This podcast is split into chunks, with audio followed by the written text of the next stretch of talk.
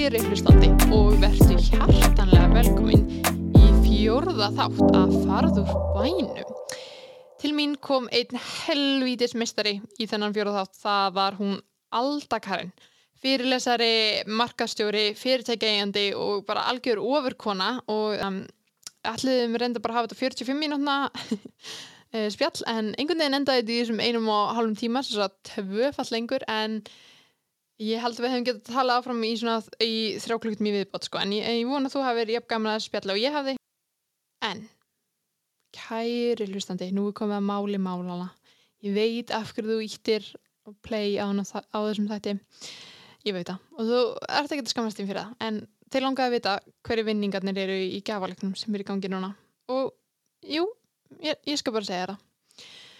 Fyrsti og aðalvinningurinn er óvissuferð svo bistró og bar óvissuferð fyrir tvo á Múlaberg. Múlaberg er staður staðsettur hérna í hjarta Akureyrar. Hann er bara hérna neyri miðbæ. Og þetta er ótrúlega ótrúlega svona það er gott væpi á hérna og það er alltaf eitthvað skemmtilegt á matselinu verið að segja. Það er alltaf eitthvað svona maður getur valið sér eitthvað pínu öðruvísi en hérna pizza með pepperoni sem að það sem ég fæ mér eiginlega aðeins og oft. En allavega Ég ætla að segja hans frá þessu óvissuferð. Þetta er sex þátt að upplifin af öllu því besta sem eldhúsið og koktelbarn hefur upp á bjóða. Þetta er óvissuferð fyrir bræðalöguna með þessu fullkomna jafnvægi í mat og drikk. Þetta eru satt fjóri drikkir og þrý smáréttir. Og mm, mm, mm, þetta, er, þetta er eitthvað sem gerir, sko mér langar að vinna minn eiginleik þegar ég heyri þetta, e, þannig bara fara að taka þetta. En alltaf, það eru fleiri vinningar. Það er til dæmis sigverk hérna á Akureyri er svona frekka nýlilt kaffehús hérna allt bleikt, svo krúktlegt um, mjög góð stemmingarna uh, ég fór átum daginn reyndar og fekk mér hérna kaffi og vegan bollakaka, þetta var súkulæði vegan bollakaka með svona hindberja smjörkremi og ég sver, þetta er besta kaka sem ég fengi lengi og ég er ekki eins og vegan, þannig ég veit ekki alveg af hverju ég ákveða að fá mér þetta? En vá, vá, vá, vá, ég mæli svo mikið með. Um, þau ætla að gefa kaffi og köku fyrir tvo. Síðan er það stór skemmtilega fjölskyldi og eða bara partíspilið orða. Orða er uh, íslenskur orðaleikur sem gengur út á að lei, uh, lýsa og tengja við algeng íslensk orð. Og á hverju spjaldi eru fimm bannorð þannig að það gerir svona leikin aðeins erfiðari en hérna þetta var mest spilað, spilað heima hjá mér um jólinn og, og mikið leið og mikið gaman. En þessi þáttur er tekin upp í podcaststudio Akureyrar og þar af leiðandi er hann í bóði X-Mist sem að sótt hressa rýmið með einum taka, einfalda fljóðlegt og aftur er hann í bóði Múlabergs en ég bara fæ ekki ná á Múlabergi og þú ættir ekki heldur að gera það, þannig að kíktu það ánga. Alltaf, Alda Karin, vel. Já, ég held að spurði mér náttúrulega spurninga. það var svo gott sko, ég var svo hissa. Ó, svo gafna þessu. Uh, já, já. Elskar lífið, elskar fólk. Elskar fólk, það er gott að allir sé ekki eins allavega. Nei, það er gott. Það var hérna leðilegt sko. Heyrðu, akureyringur í húð og hár akureyringur í húð og hár. Mm -hmm. þú ert fætt hérna. Ride or die, ride or die. Allir svona akureyringar er líka svo harðir akureyringar harðir akureyringar ég er bara harður akureyringur mm -hmm. ólst upp hérna. Ólst upp á eirinni ólst upp á eirinni oh, ég elska eirina sko. Ég, er bara, oh, já, ég ætla eitt daginn ég á hús þar. Mm -hmm. Ja, er, ég held að þetta sé svona eitt vannmettnasta hverfið á Akureyri. Eirin? Já, 100%. Ég held það sko. Og ert í Óttarskóla þá? Já, ég var í Óttarskóla öll tíu árin. Já, tíu árin og fer svo í Emma. Já. Inspektor. Mm -hmm. En það er Inspektrix. Inspektrix, er þetta? Konvar. Já. Ah. Inspektrix. Mm -hmm. mjög, mjög skemmtilegt. Já, það var indislega tími. Ég elskaði hérna bæði Óttarskóla og mettskólan. Ég veist að frábæri skólar og, og hérna nöyð mín mikið og ég var með indislu fólki og bara, óh, oh, já, ég hef ekkert nema góð hluti að segja um bara alla og allt í þessum stofnum, báðan mm -hmm. Algjörlega. Og svo, sko, var alltaf planið að verða inspektrix? Ó, guð, nei, nei, nei, nei. Ekki? Nei, nei, nei, nei. Segð mér söguna. Um, Vá, mér líður það bara tíu ár síðan eða eitthvað. Hérna, Það er líka verðaður Nei. Oh my god, ekki segja þetta.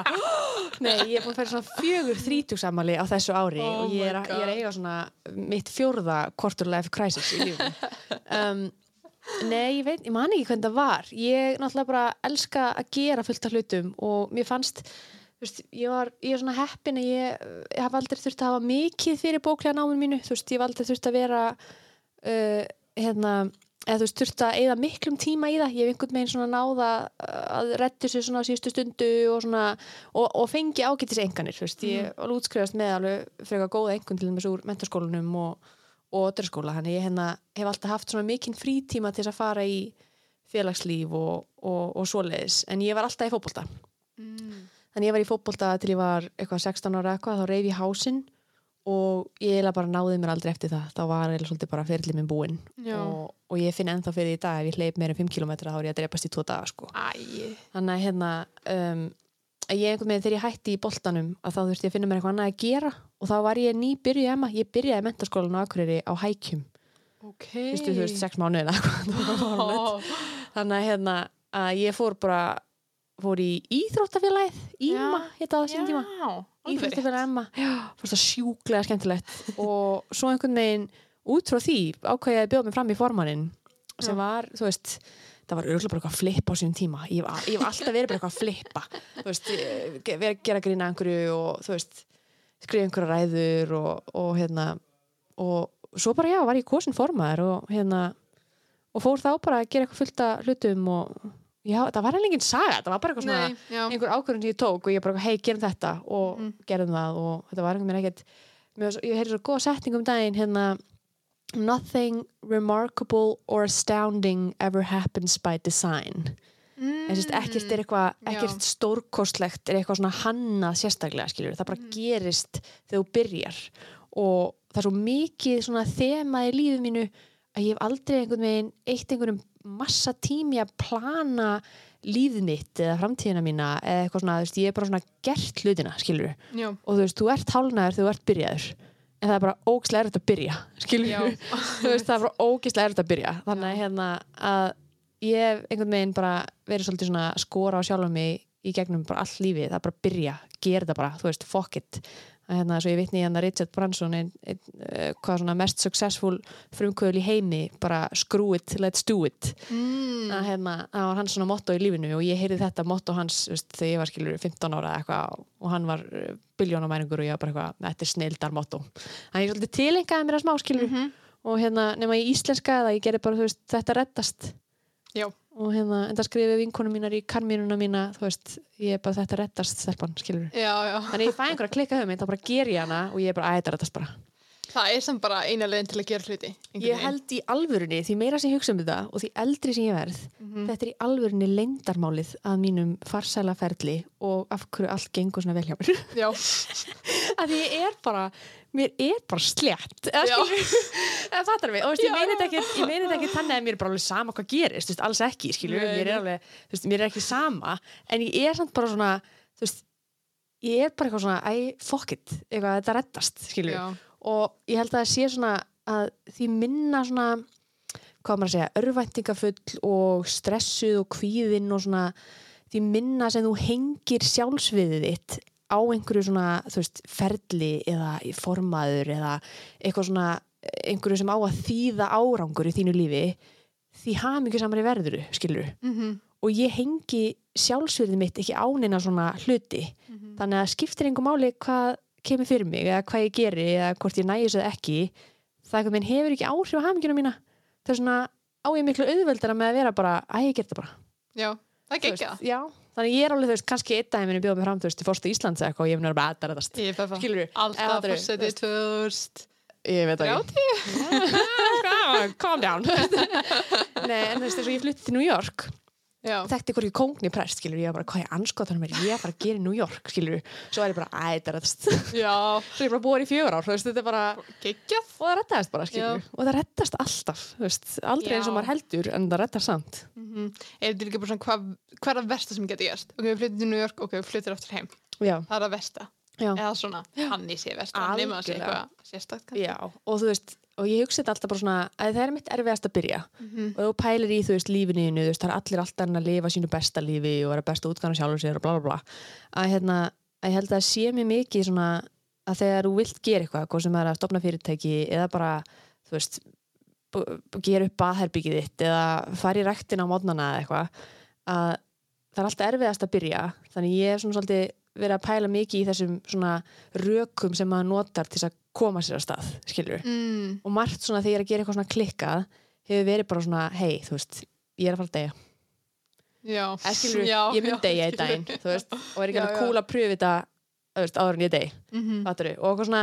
einhver svona abstrakt hugsanir sem ég svona reyni að uh, svona setja líf mitt í bara mjög lítið samhengi, eða fatturu veist, ég er Mhm. bara eina af einhverju 7 biljón manns á plánutunni veist, ég er bara eitthvað lítið pes skiptir engu máli, skilur Mhm. skiptir engu máli hvað ég geri, þannig ég geri bara sem ég langar að gera þegar ég langar til að gera, fatturu það er geggjað sko. Já, þetta er mjög svona, þetta er mjög næs leið til að lifa. Já, og ég er, held, ég er örgulega að fara að eigða svona næstu árum, ég er að koma þessari hugsun minni í betri orð þú heyrir svona á mér, ég er að reyna að koma þessu svona, Mhm. skil, svona skýrt frá mér skilur að svona reyna að það er svo margir sem spyrja mig alltaf þú veist, hvernig gerur þetta? Veist, hvernig gerur það sem þú ert að gera? Hvernig, Mhm. þú veist, af hverju ert ekki hrætt við álut annara þú veist, af hverju er þér sama? Þú veist, af hverju ert ekki kvíðin, af hverju ert ekki svona stressuð? Og, svona, og ég er svo mikið að reyna að svara þessari spurningu alltaf. Já, og ég er ángæðist, ég mun örgulega eða næstu árum þú veist, í eitthvað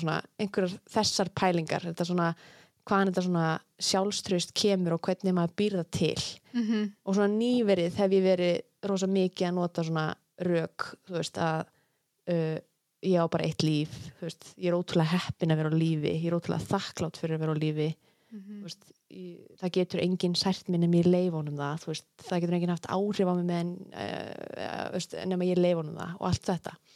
Þannig að mér finnst það svona áhugaverð pæling að þú veist, þegar mitt fólk spyr mér svo þá bara, hvað okkur ákvæmstur að formaður, hver er sagan þar? Bara, æ, þú veist, screw it, let's do it skilur, aðtöfum hvort ég get gert þetta kannski aðeins betur en sá var undan mér eða kannski get ég breytt þessu eitthvað eða kannski get ég, þú veist, verið fyrirmynd eða Mhm. whatever.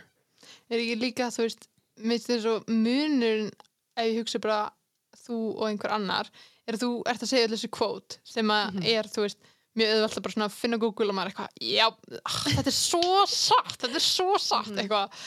En þú einhvern veginn nærð að taka þau til þín og þú nærð að einhvern veginn fara eftir þeim. Það er alltaf mér svona Já. heyrist það. Þú veist, að að það er eitt að bara hlusta á þau og svo er annað að bara actually gera þau Já, guð, ó, það er svo margt í lífinu þannig, það er svo auðvelt að segja eitthvað og það er ótrúlega erfitt að gera. En hérna, já, ég held, ég les rosalega mikið svona quotes og ég voru alveg heiðarlega við því og eins og ég, ég sagði það í bókinu Lísbiblían, ég, veist, ljóstra upp leindamáli að þú veist, þegar mér líður óslega illa á mótnana og ég er kannski bara eitthvað svona ó, ég held ég sé að vera veik, ó, ég er svo eitthvað mér illt í manum eitthvað að þá fer ég stundum bara inn á Instagram og leita bara hashtag inspirational quotes. Og þú veist, og eina sem ég þarf að sjá er bara, þú veist, eina sem er til er dagurinn í dag, þú veist, á einhverjum bleikum bakgrunni skilur og þá er ég allt í hennu farin upp og bara, já, ok, drullum hann að dag í gang. Eða skilur það já, já, að hérna, að ég að stundum er sjálfsást að þú veist, neða mann fram úr, skilur já, já, já, já það er sko. til margar leið til þess að elka mann og, og stundum er það ein leiðin. Mhm. en hérna, en já, ég er alveg ég elska svona quotes, ég er alveg quotes perri um, og bara svona sálfræði perri og mér veist, ég elska, elska að lesa alls konar rannsóknir og, og, og vinn mikið með mjög skemmtilegum sálfræðingum sem senda alltaf á mig eða finna eitthvað bara alltaf þetta er svo mikið þú, nefnir að lesa þessar rannsóknir. Oh my god, já, já, já, þannig að hérna, að, eins og segi, mér finnst það mjög mér finnst allt svona mjög gaman og ég held líka það sem ég hef gert, kannski svona já, sem ég hef gert sem kannski ekki margir aðrir gera, er ég les rosalega mikið æfisögur svona autobiografís og hef gert frá því ég var bara ung að ég hérna uh, eins og bara uh, núna nýlega var ég að lesa svona sögu eftir Melinda Gates bók sem heitir hérna uh, The Power of Lift eða sérst The Moment of Lift heitir hún held ég.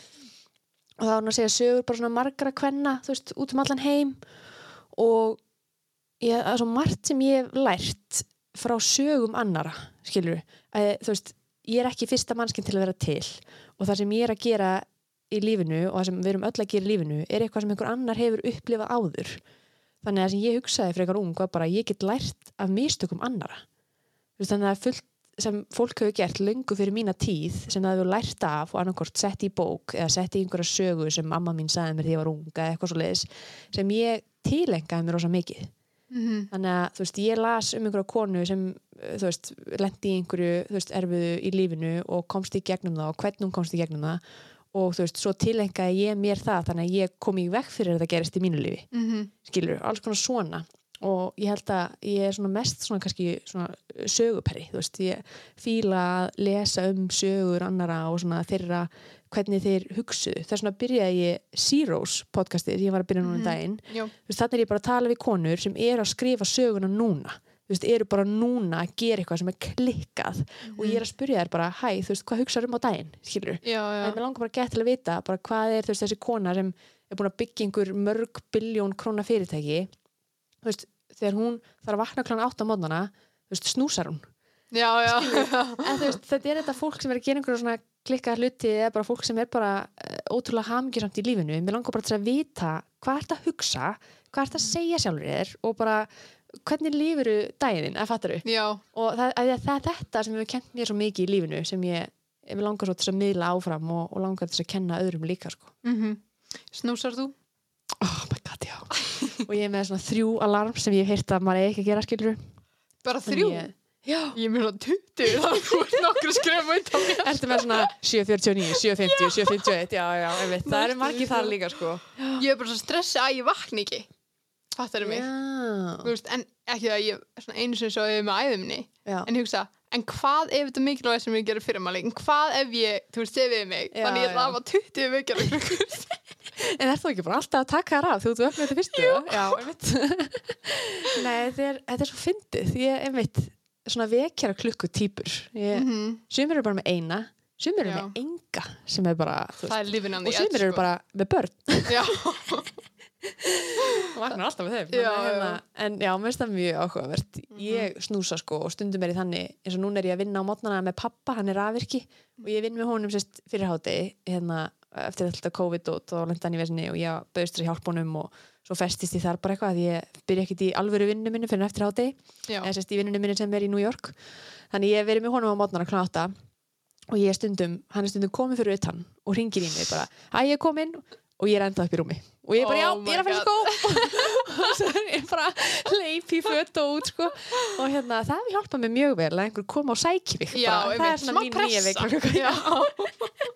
þannig að það er fínt að hafa svona eins og við köllum þetta úti við stelpunar við erum með alltaf svona accountability partner. Já, þannig að þú veist eins og við áttum alla gett erfitt með að þú veist vakna ákveðnum tíma að því við erum bara allar svona næturuglur og mér, ég þóli bara ekki að vakna á mótana mér finnst þetta bara að leila sig ég geri en úti þá vorum við með svona accountability partnera sem vorum bara þrjárvinkonur og þú veist við vorum allar svona okkar eigin yfirmenn Mhm. þannig að við ákveðum bara, herðu, ok við verðum bara vakna klokkan nýju alla mótna og hittast bara einhverstaðar ah, og við gerðum það bara, við hittumst bara alltaf klokkan nýju á kaffehúsi sem var svona miðsvæðis fyrir okkur allar Mhm. og, hérna, og ef einhver var ekki mætt, það var bara hringt allir hún mætti Vel Skilur. gert. Og það var bara Já. ógæslega næs að hafa einhvern sem bara reyð mann fram úr af því að það er meitt erfiðast að byrja en um leiðum maður er byrjaður Mhm. þá vill maður halda áfram. Mhm. og ég var að klára að lesa bók sem heitir Atomic Habits, hefur lesið hana? Nei, Ó, hún er svo góð.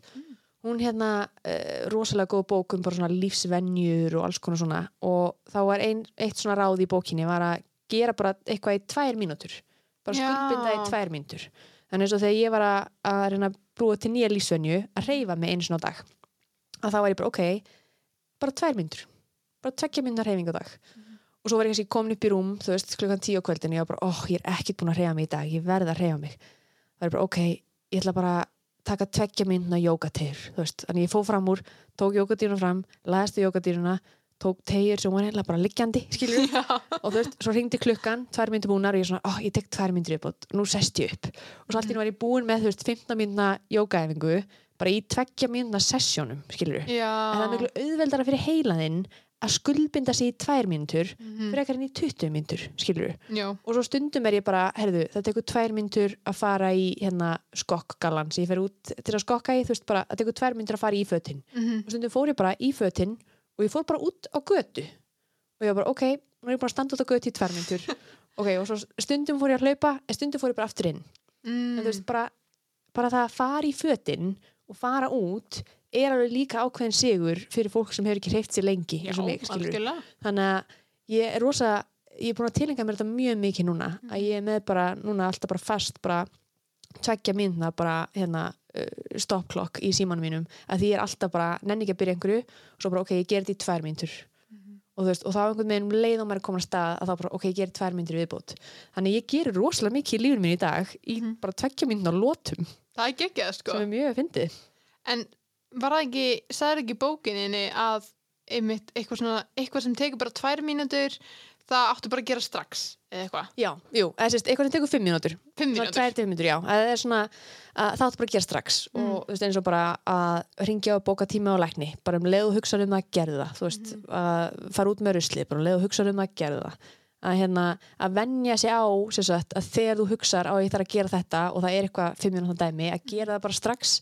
Um leið og þú veist, svona byrjar að venja þig á þessa hugsun að þá ertu líka svona, það sem ég tók eftir á mér ég man ekki hvort ég sagði það í bókina ekki að þá bara um vann, var, að venja mig á að sagt, gera eitthvað um leið og ég hugsaði það sem var mitt svona lítið að þá varði ég alltaf meira svona productive. Mm -hmm. ég fann mig bara svona hægt og rólega bara svona yfir nokkra mánuði þá var ég orðin duglegur á daginn af því ég var einhvern veginn hægt að svona rífast við sjálf á mig skilur, ég var ekki ég var bara hei, ég verð að þú veist, vaska upp og bara, ég hugsaði bara, ó ég þarf að vaska upp. Ó shit, ég hugsaði, nú verð ég að gera það. Þetta er Já. svona að leikurinn ef hugsaður um leikinn þá ertu búin að tapa. Já, já. ég gerði svona, ég, ég bjó já, nú erum við að tapa. Ef þú hugsaður um sagt, húsverkið þín Mhm. þá ertu búin að tapa, þá verður að fara að gera þau? Ah, já, ég það er breyti úrslega þeim snið leik í þú veist bara að sinna heimilinu mínu. Já, já, það er úrslega snið sko. Þetta er svona pínu að eins og komast á undan hugsunum sínum eiginlega, eða þú veist, við erum búin að gera hlutin áður búin að- áður búin að fatta honum ég næ ekki að hugsa, ég nenni sig ekki Mhm. að því ég er byrjuð, Mhm, skilur mhm. Það er úrslega snið, sko. Maður þarf, ó, lífið er bara um, snýst um bara hakka það, skilur Já, já, þetta er bara tjöfursins hark. En hvað tekur svo við eftir mentaskóla? Þú útskrifast Um, 17. júni Já, ég fæ sko ég fæ atvinnutilbóð fyrir útskrift. Ég, hérna, ég var svolítið sko uh, setni partin af fjórða árinu mínu þá fór ég til Reykjavíkur að reyna að fá söngkefni framhaldsskólana aftur norður. mm. Þannig ég fer söður á eitthvað svona sífþing sem stendur fyrir samband íslenska framhaldsskólanema og ég var bara, ég fer ekki hérna fyrir ég fæði söngkefnin aftur norður. Veist, þetta er bara, þessi keppni kemur með svo mikið að flottu bara uh, fólki og bara uh, búst fyrir bæinn minn og, Mhm. og þú veist, og ég bara, ég mun deyja fyrir akkurinn, skilur, ég bara gerir hvað Já. sem er fyrir hennar bæ. Algjörlega. Þannig að ég fór bara á fullu að vinna í því og réð sagt, fyrirtæki sem heitir Sagafilm uh, Mhm. til að sjá um kemna og uh, unnum bara vel saman þar. Og þeir bjóða mér sérst vinnu bara já, bara að koma suður og bara byrja að vinna á þeim. Geggjað. Þannig að ég bara, eins og segi var, var sko bilað að gera á mér þess að síðustu mánu ég, ég svaf ekki sko Vá. Ég svaf verið kannski svona þrjá fjóra tíma á nóttu. Þetta var bara, þetta var bilun sko. Ég, það var ég svo massa börnátti það suma sko. Þetta var bara Já. ótrúlegt. Trúi en, hérna, en borgaði sig og ég fór að vinna á þeim og, og vann hjá þeim í einhver þrjú ár og hætti svo hjá þeim og fór að vinna hjá fyrirtæki sem heitir Ghostlamp sem er svona áhrifalda fyrirtæki Mhm. og fór svo út til að opna sér skrifstofur fyrir það út í New York. Og hvað varst að gera? Hvað var svona starfsviðið þitt hjá þessum fyrirtækjum? ég fekk sér satt, vinnu fyrst hjá sagafilm sem sölunemi Mhm. og þess bara nemi í sölu og var að selja svona product placement ölsingar Já, þannig að eins og til með ég gerði serju stelpunar, sko sem serja það er mm við gerum serju 5 af stelpunum og þar seldi ég til dæmis Coca-Cola inn þannig að alltaf þú sér stelpunar að drekka Coke þú veist, Ah. eitthvað svoleiðis. Og já, alls konar fyrirtæki sem ég seldi inn, bara product placement og hérna, og var svo sölu markastjóri þar. Mhm. Uh, já, ég held ég, ég ég ekki við það er einhver svona þrjú ár, ég held það, eitthvað svoleiðis. Ég man ekki alveg hvað var langur tími. Já. og hérna, og svo fæ ég bara atvinnum tilbúið þannig frá Góslamp, ég fór í lögfræði hann í smá stundin á milli. Ok, eitthvað, því ég var bara, eitthvað, æ, ég þarf að menta mig aðeins meira, en svo nefndi ég því ekki. Og þú veist, fór eitthvað annað. En ég er alveg, ég er samt að held ég alveg opnu að fara aftur í háskóla, sko. Ég er alveg opinn fyrir því. Ef ég finn eitthvað sem ég svona fíla því ég elska að læra og ég er alltaf að lesa og ég er ótrúlega forvitin manneskja. Mhm. Um, en mér finnst það mjög gaman en ég hef ekki enda fundið fæið sem ég svona fíla mest. Enda þú veist, þarf ég þess ekki, skilur mér Nei, alveg, nei, nei, nei. Ég er ekki að fara í skóla til þess að finna mig vinnu, skilur Nei, nei, ég verð þá bara að fara í skóla til þess að bara njóta þess að læra meira og, og um eitthvað skemmtilegt. Já, en já, og svo fer ég sérst hætti hjá sagafilm og fer svo tek við sem sjöl og markastjóri hjá Góslamp ok, geggjað. Og hvað ertu lengi þar? uh, Vá, um, ég man það ekki. Nei, tvö ár. ár, tvö ár, svona tvö hálft eitthvað. Mhm. og ég fer og ég, ég er alveg með þeim lengi á meðan ég er úti og þú veist, og ég er ennþá náttúrulega eigandi í fyrirtækinu. Mhm. Eða nei, það er endur ekki rétt. Ég er búin að selja hlutabreið mín í fyrirtækinu. Mm. það gerist bara núna um daginn. Já, ok. og ég var bara að að það ég var bara, nei, býttu, býttu, ég var að skrifa undir eitthvað um daginn. Ég er búin að, ég er búin að selja mig úr þar hérna um, og já, og er búin að vera ég er búin að vera mitt, með mitt eigi ráðgjafa í markasetningu og sölu í alveg sex ár. Já. Og sem ég byrjaði í sagafilm að það var bara svo rosalega mikið af vinum mínum og kunningum sem komu til mín að leita ráða um markasetningu og sölu og Mm. alls konar þannig ég byrjaði með svona ráðgjafa on the side Mhm. í sagafilm og svo eiginlega var ég að flytja til New York þannig ég ákveði að halda fyrirlestur í hörpu og geri það í samstarfi við hérna uh, nýsköpunarmiðstöð Íslands Mhm.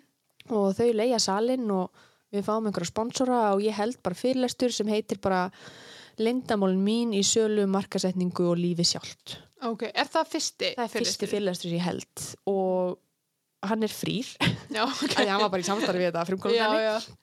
og við vorum með bara svona skráningu og ég gerði event á Facebook á miðugdagskvöldi klokkan 8 Mhm. og hann var sprunginn á 50 degi klokkan 8 Vá. á 24 tímum voru yfir 1000 meldingar á hana viðburð sem var þá á þá tíma bara klikkur Já, sko. já.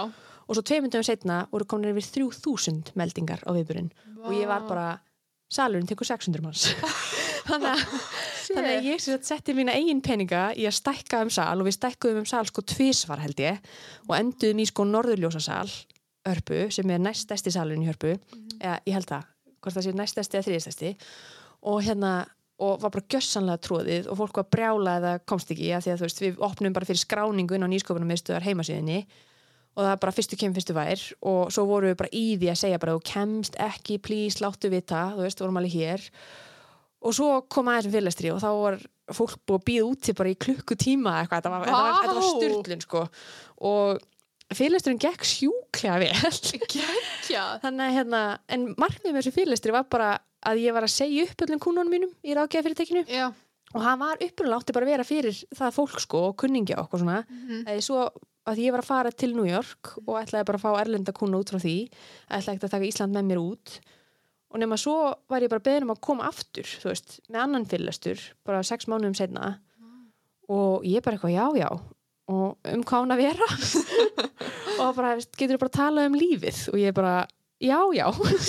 Þannig að ég eitthvað segi bara já ok, ég ætla að koma inn með fyrirlestur við ætlum að kalla hann live masterclass. Og fólk bara já, flott, flott mál, bókum það og ég eitthvað æði, svo bara, fyrir bara beint í Eldborg. Og ég bara, Oh my god. og ég bara, ok. Ég á engan penning í það. Þannig ég ringdi í mömmu og ég bara mamma, sko, mesti meistar sem ég veit. Hérna, til ykkur heiður að fá alveg upp með þessari konu. Hérna, ég ringi með mig og ég bara, mamma mér langar að leiða Eldborg. Og hún bara, ha? Ég bara, já mér langar að halda fyrirlestur í Eldborg og fólk er að beða um að koma og tala bara um lífið og hérna, mér langar bara að leiða hann. Og mamma bara, já hvað kostar það? Og ég bara, það eru nokkrar, nokkrar miljónir og mamma bara, já, hvað áttu mikið pening? Ég bara, ég skulda í yfirdrátt ég á engan pening. Og hún bara, já, herðu og, ég- og ég segi bara, mamma, værið þú til í að sérst, skrifa undir sérst Arjóbankalán sérst, þannig ef enginn kemur á hann fyrirlastur og ég er bara ein eitthvað upp í Eldborg að þá sláum við þessu upp í bara eitthvað hjaltalín ættarmót skilur við og höfum veist, bara mætum með gítarinn og höfum bara spilum bara kumbaya hana í Eldborg í eina kvöldstund skilur og gerum bara gott úr þessu. Og hérna, og þú hjálpa mér svo sérst, að vera ábyrraðali fyrir láninu að þá gæti ég ekki tekið lán sjálf að ég var bara ekki uh, nógu góð fjárháslega þú veist, í þessum já. tíma og hérna, og mamma bara, já, já, hún eitthvað náða að snara af inn í þetta líka en hann gæti skrifa undir líka og þannig ég bara, já, ok, flott mál. Og ég legg á mömmu og ég ringi í hörpu og leiði Eldborg bara, þetta var bara, þetta var bara veist, klukkutíma af mínu lífi þar sem ég fer frá því sko að beða mömmu maður að ábyrra maður á láni svo ég geti leikt hennan Eldborgarsal yfir í að bókan Vá. þannig að þetta er svona, þetta, þetta reddast Já, hérna, já. mindset, ég var bara fuck it, þú veist, screw it, let's do it. Og svo seldist upp Vá. og ég var bara hvernig Já. að því ég sko, ég eitti ekki sko 50 skalli í markasetningu fyrir hennan fylgdastur ég var með fjölmjölafulltrú á þessum tíma sem var kannski hérna, sem var annað budget sem var bara fyrir mitt persónlega brand, ekkit aðalega fyrir hennan fylgdastur Mhm. en ég man bara, ég hugsaði ég var bara, ég er búin að selja upp í Eldborg ok, það er eitthvað hérna sem ég á að gera Já. Veist, ef þetta er ekki merki frá heiminum um að ég að gera eitthvað svona þá Já. veit ég ekki hvað það er. Og svo held ég hann fyrirlastur í Eldborg sem gengur bara ótrúlega vel og ég ætlaði bara að hætta á topnum ég var bara, ok, ég ger bara eitthvað annað veist, eitthvað svona tengt þessu. Mhm. og byrja þá að mynda að skrifa þessa bók og eitthvað svona sem kemur endur ekki út fyrir þreymur ára setna Mhm. en hérna og ég ætlaði svo ekkert að koma aftur. Svo bara lendum við í hálfgjör áfalli hjá fjölskyldunni eða þú veist það kemur upp í fjölskyldunni ákveð mál og ég vil aðstóða sagt, um, fólki í þeirri stöð eða bara svona gera eitthvað fyrir þannig fólk. Þannig ég ákveðsist að halda annan fyrirlestur í lögatarsöll og allir hagnaður rennu til píeta samtakana og það átti bara að vera svona já, bara það var bara auka meira Já. sem átti ekki endilega að tengjast fyrsta Mhm. var bara svona kom óvænt upp á mig út af öðru máli sem er allt í góðu. Og hérna og hann springur, heldur betur hreint uh, reyndar fæ, fæ mikið hérna uh, mótlæti en rosalega mikið meðbyr og er mjög heppin í dag að hafa fengið svona mikið meðbyr um, sem var æðislegt og að því að mér var alveg sama á þeim tíma sko. En hérna, og já, og það er uppsett líka hann þannig að núna er ég svolítið bara svona, jæja. Vá. Þetta er svolítið svona komið fínt bara. Já, en ég náði loksins að koma út þessari bók sem var svona aðalmáli held ég sem ég átti alltaf að gera. Já. Það var þessi lífsbiblían bókin og, Mhm. og ég er ótrúlega ánæð með viðtökuður henni og bara hvernig hún hefur gengið Mhm. og bara hjá öllum, bara hjá eldri köllum og, og hjá bara konum sem eru á 60 aldri og, og hjá Mhm. ungu fólk, bara þú veist, það fíla hann allir Já. sem ég er ótrúlega ánæð með. Ég get staðfist þannig að hérna, eins og ég segi, þetta var mjög magn, mögnu upplifun Mhm. og það var svo mikið hliðaskrif hjá mér. Veist, þetta, var, þetta var ótrúlega skemmtilegt og ég naut hverja sekundaði sem er skipti mestu máli og hérna og, og nú er ég mitt búin að fá mörg tækifæri upp í hendunar frá alls konar fólki út frá öllum hliðum samfélagsins sem hafa búið mér að taka þátt í alls konar og ég er svolítið bara svona, nei ég ætla bara aðeins að fá að, að hérna að leifa að matla já, ok. Hvað ár ertu með síðasta fyrirlesturinn? um, ég var með fyrirlustur í fyrra. Já, ok. Ég var með sko, en það var hérna en það var náttúrulega út af öðru. Það var, uh, það var ég með þess live masterclass hérna uh, að koma fólki á framfæri. Þar sem ég var svolítið, þar sem ég bauð það var svona námskeið eiginlega, þú veist, þá Mm. satt fólk við borð og hérna, og var að skrifa niður og svo voru sérst áhorfendur með fyrirlestur í lokfyrirlestransins ah, og þá var ég svolítið að reyna sirka út fólk sem gæti svona tekið við keflinu. Og ég segi það á fyrirlestinu, ég bara, þú veist, það eru það er fólkinn inni sem mun taka við keflinu á mér þú veist, og er að fara að gera netnámskeið og fyrirlestra og svona, og það er farið af stað sem er frábært og er að standa sér ótrúlega vel. Um, og hérna og mér finnst mjög gaman að hafa verið svona ég er mjög svona, ég er mjög auðmjúk í garð þess að ég gerði eitthvað og það sprakk og Mhm. fólk tók ótrúlega vel í það. Og, og ég gerði það tíu sem stærra eldri og nokkuð tíman ímynda mér. En þú veist, aim for the moon og Mhm. worst case scenario, you land on the stars. Að hérna og þú veist, ég faldi fyrirlestur út til New York á sko hafnaboltaleikungum sem eru sko nánast jafn stóru á Ísland. Þú veist, þannig þetta er alveg svona að, hérna, þetta er alveg eitthvað sem ég, mér er greinlega ætlað að gera. Mhm, uh, og ég er svolítið að að finna mig í hvernig ég mun halda áfram að gera það og svona. Já en svona síðasti svona stóri fyrirlesturinn var í lögðarsöll 2019 mhm, og, og eins og ég segi, hann var ekki planaður, veist, ég held að við leiðum lögðarsöllina örgulega í sko ég, ég er að segja það, þú veist, í oktober eða eitthvað. Í lok oktober, nei í lok oktober byrjun nóvumber leiðum við lögðarsöll og fyrirlesturinn er 19. januar Ok. Eða þú veist, þetta var já. algjörlega svona svona, hérna skyndi ákvörðin á þeim tíma en var líka drifin áfram af persónulegum um, ástæðum um, sem ég mun aldrei fara neitt út í. En þetta var mjög svona áhugavert þú veist, eins og allt þetta alltaf tala um að maður gerir aldrei neitt að því maður svo hrættur um skoðanir annara mhm, og mér finnst þetta að þetta heldur aftur á svo ótrúlega mörgum Já. ótrúlega flottum manneskjum sem eru svo ógísla hæfileikaríkar og bara heimur myndi batna svo ótrúlega mikið ef þetta fólk myndi bara þú veist, þóra, skilur mhm, og það sem ég er ótrúlega þakklátt fyrir og, og, hérna, og ég get miðla núna ótrúlega, ótrúlega einlagan hátt að ég lendi í því að fá svona, ég lendi í svona hakkavél samfélagsins um, en var sem, sem betur fyrir með mikinn meðbyr. Þetta er ekki svona slæmt. Fattaru, þetta er veist, heilindin og hugurindin mun láta þið þjást miklu meir en raunveruleikin skilur mm, þannig að þú veist ef fólki og ef einhverju að hlusta sem kannski horfur á mig og segir bara já hún lendi nú kannski í því eitthvað þú veist, nei. Eða skilur þetta hefur alveg áhrif. þannig. Já, nei, veist, þetta hefur alveg áhrif á mann skilur þetta hefur alveg slæm áhrif líka þú veist, andlega og svona. En þetta er ekkert sem þú kemst ekki yfir Mhm. skilur og þetta er ekkert sem þetta er enga veginn ástæði til að halda aftur að þér að vera hrættur um hvað öðru fólki finnst.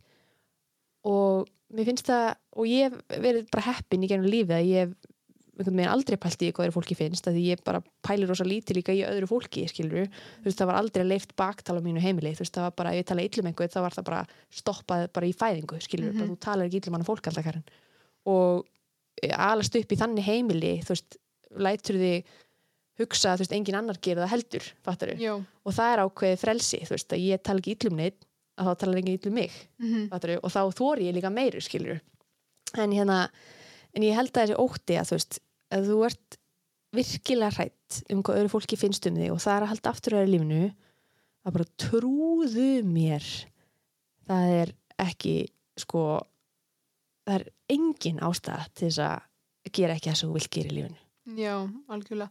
En þegar þú ert að fá í, svona, í fyrsta skipti, mm -hmm. svona komment, Já. af því að það fáða allir líka sem eru ofinbæra personur.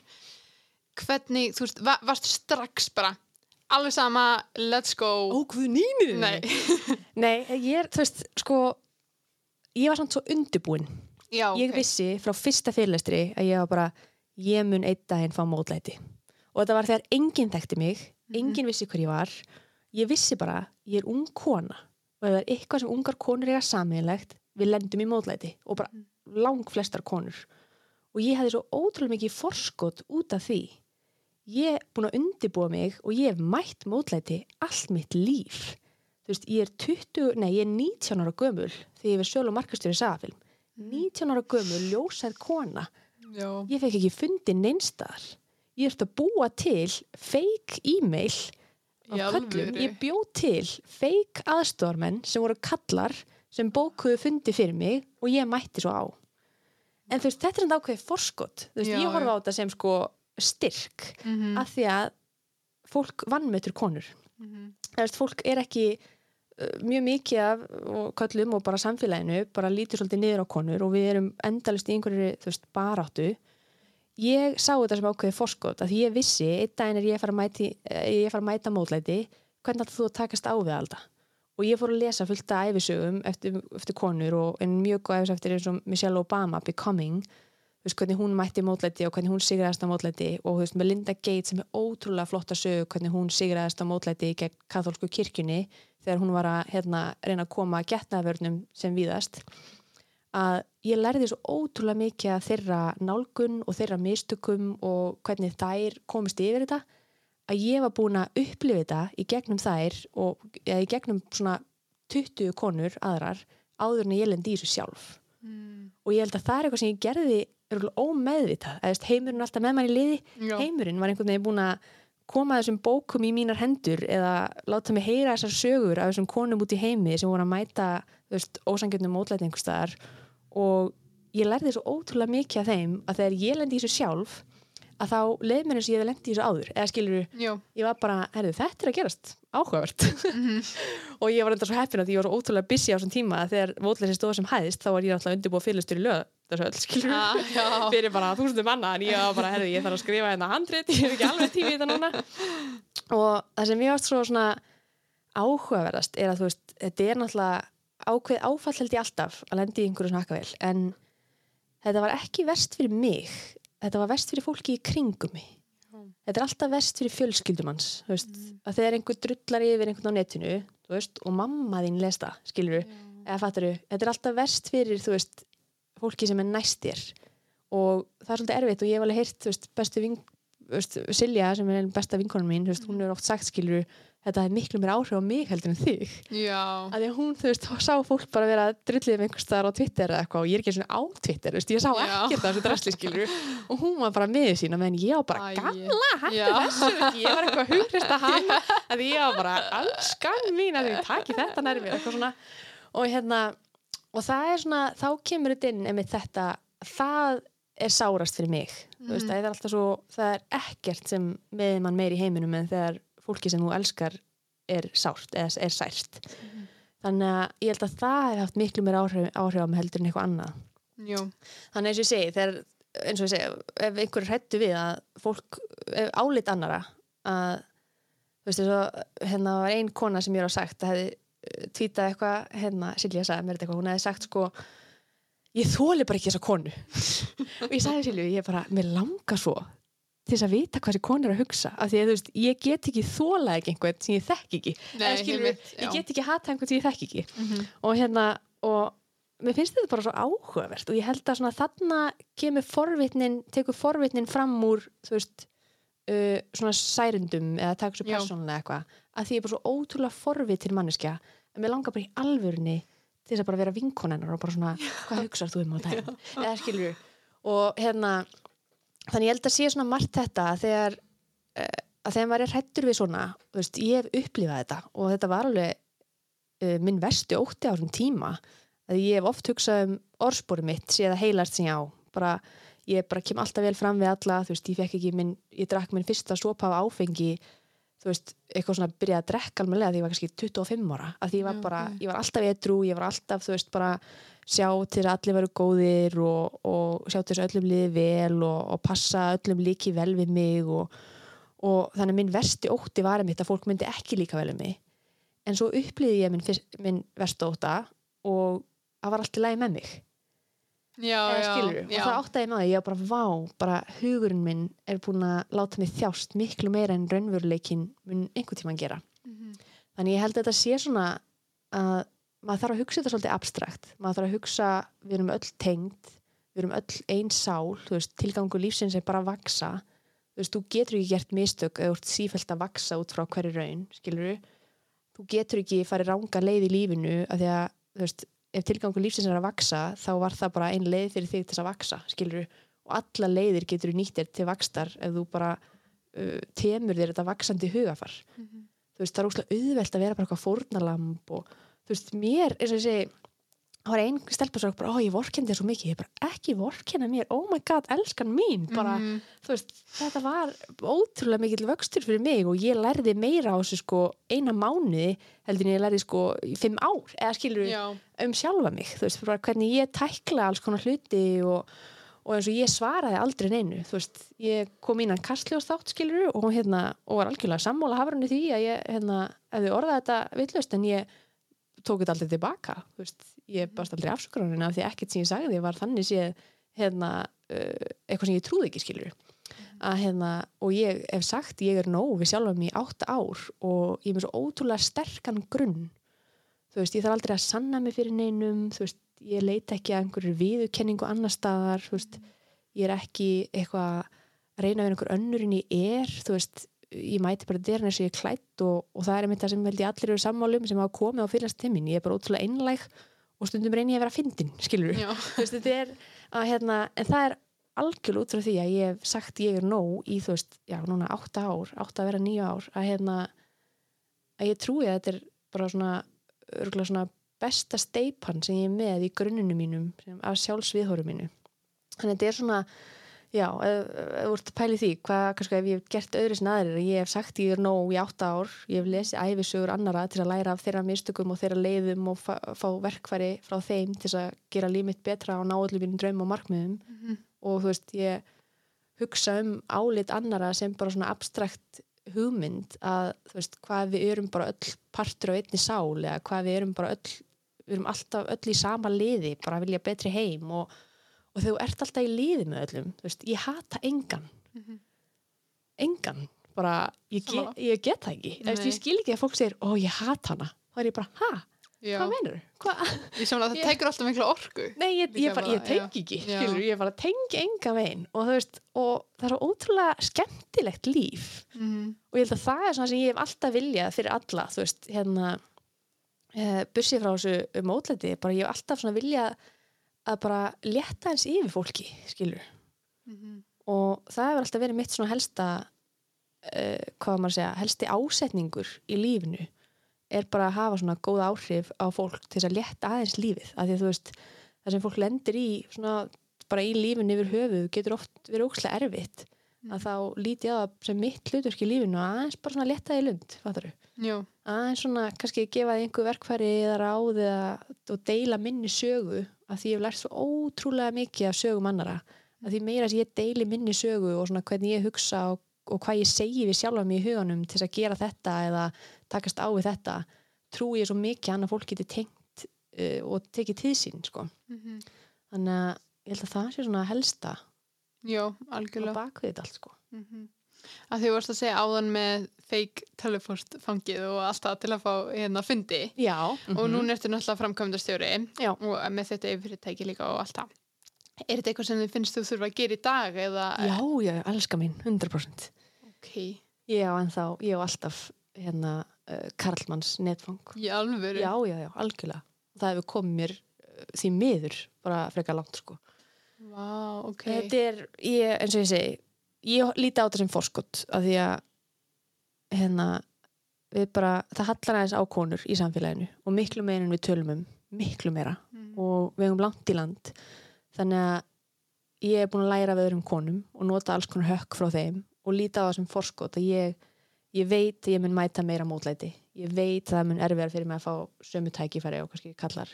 En ég veit það og því nýti ég mér það skilur Mhm. svo einn daginn get ég mögulega haft áhrif á það og ég reyna að hafa áhrif á það veist, í því sem ég get gert bara þar sem ég er komin í lífinu í dag þá reyni ég að hafa uh, áhrif á þetta og reyni að veist að, að gefa konum uh, meira undir, sest, undir fót þannig að en ég held, ég mun örugglega alltaf vera með eitthvað kallmanns netfang sko Vonandi, vonandi verður þetta að fara eitthvað að breytast þá.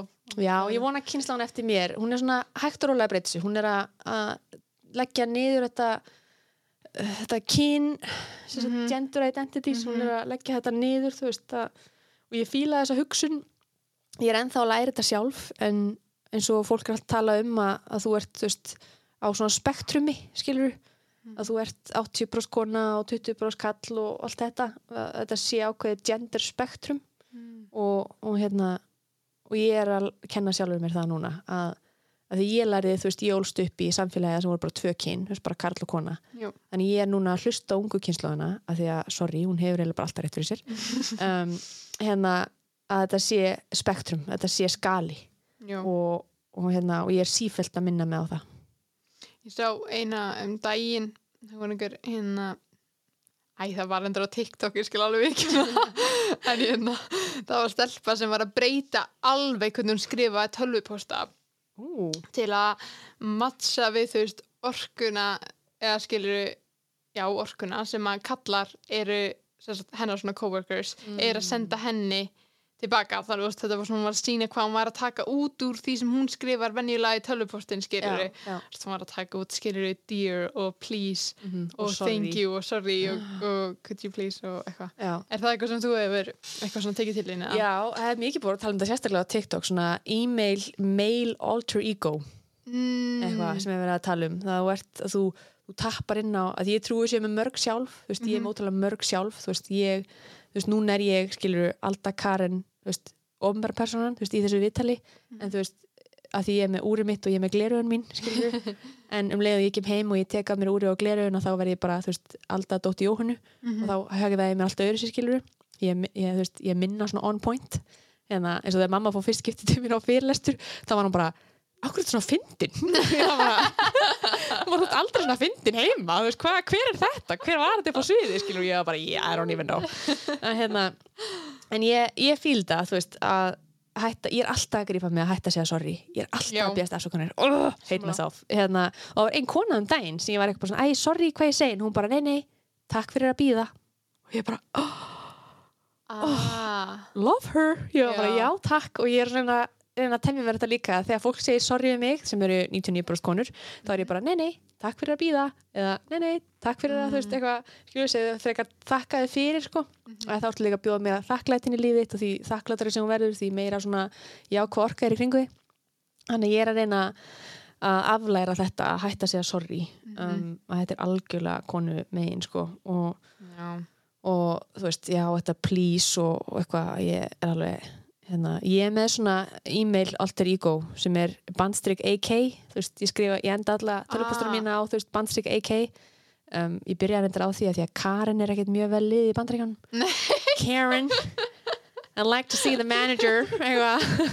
Og ég er alltaf, uh, my name is Karen. Ég er alltaf að segja á íslensku þannig ég byrja alltaf að gera AK og, og núna reyni ég að segja bara sem minnst í, í tölvupústum þetta er svona, hafa stuttorð og næs og þá er mitt köttaði út öll þessu aukorð please og en ég reyndar alltaf með broskallin sko. Og upprópunamerkin, ertu það? Já, ég er Upprópunarmerkinu. mjög mikið sko. Oh, En stundum er ég búin að skrifa tölvuposti, ég bara, þú getur ekki haft uppráðunarmerki fyrir aftan allar setningarnar. Nei.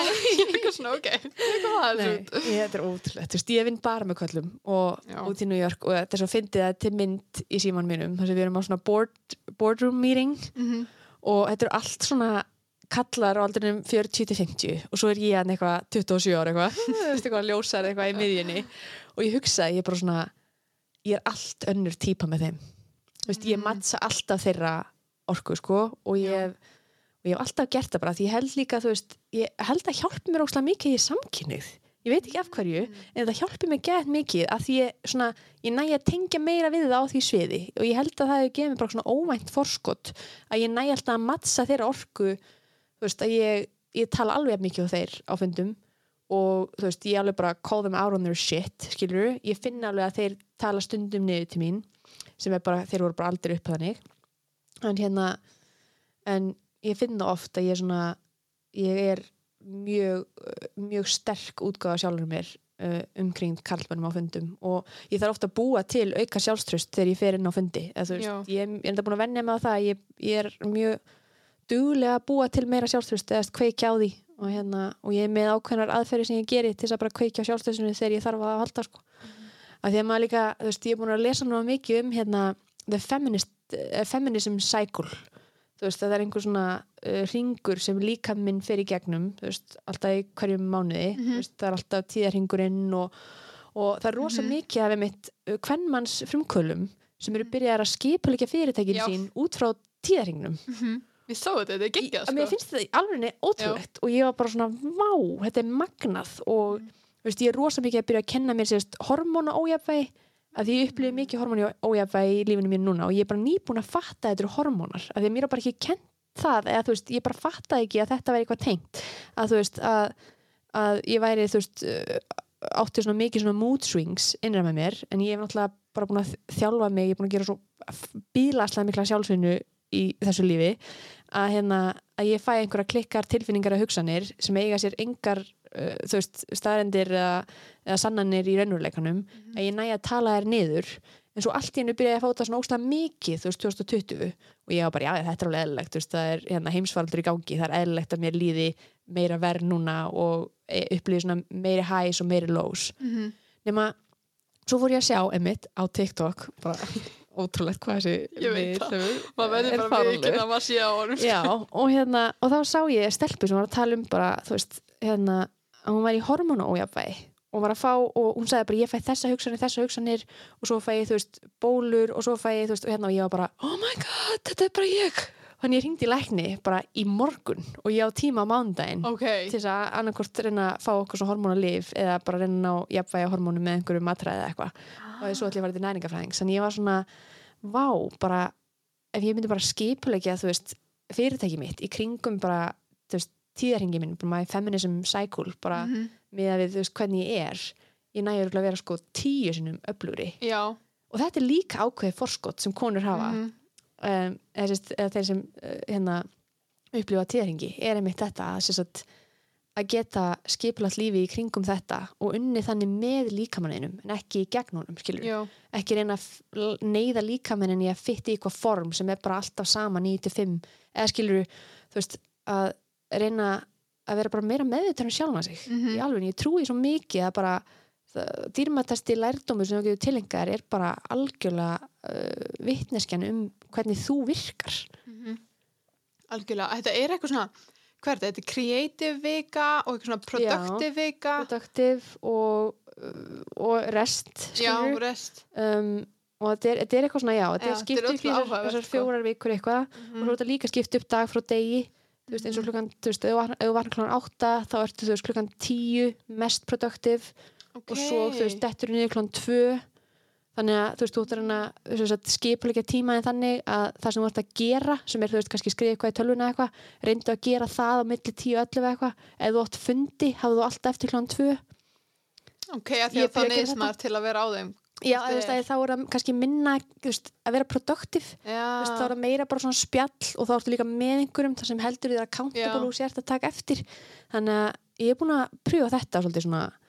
að og það hefur virkað mjög vel fyrir mig þú veist, Já. núna á ég alla fundinu mína eftir klán 2 eða sérst byrjar klán 2 og hérna og einmitt reyna að trúa sem mestu inn uh, svona já, á þessum tímum þar sem þetta cycle segir mér mhm.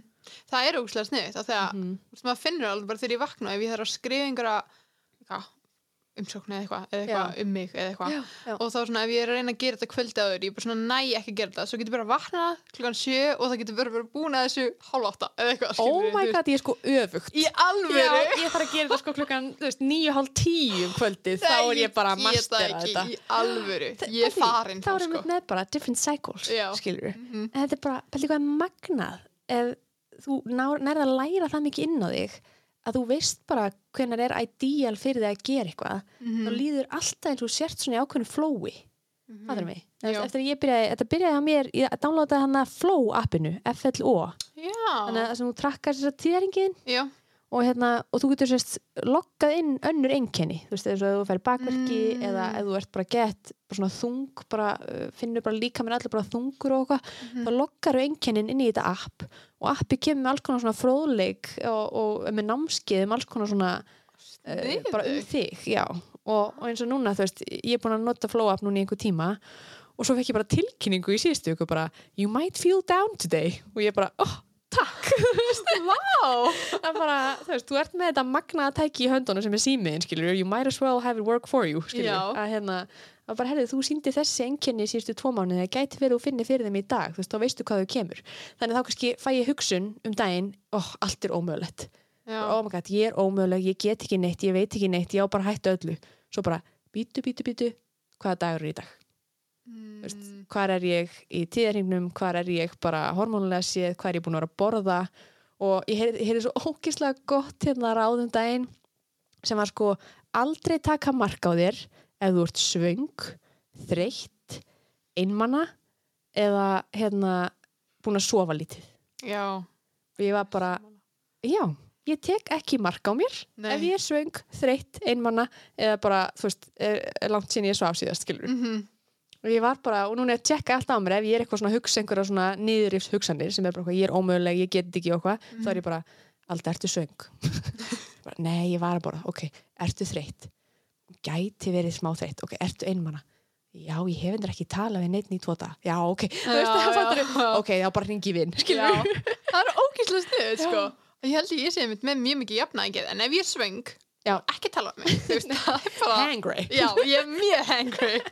Þetta er svo fyndið að þú veist, í skóla lífsins þú veist, þá ert þú skólastjórin, kennarinn og nefandinn og þú þarft bara svolítið að hafa vit fyrir já, þannig að bara ekki taka svona mikið markaður skilur nei, einmitt. Að þú ert í alveg að uh, hugsa eitthvað sem er bara, uh, þú veist hjálpar þér ekki, Mhm. þú veist, alltaf tala um að áður nú segir eitthvað þú veist, ertu að særa eða ertu að hjálpa að bara áður nú trúur hugsunum þínum eru það að særa þig, eru það að hjálpa þér?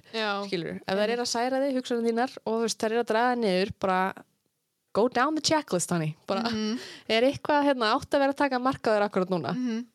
Þetta, já, algjörlega, þetta er líka pínu eins og við vorum að tala um á reyndir aðrunum við byrjuðum að taka upp með hérna að þegar maður er fullan þá áttum þess að á því að það veit enginn hvað hann er að gera Já, já, og það veit engin, ok, trúðu mér, trúðu mér, nú hef ég verið ótrúlega heppin einstaklingur að hafa hitt ótrúlega mikið af fólki sem er að gera klikkust hlut í lífinu og bæði út í heimi, út í hennu stóra heimi og hérna í Íslandi. Trúðu mér þegar ég segi, engin veit hvað hann er að gera.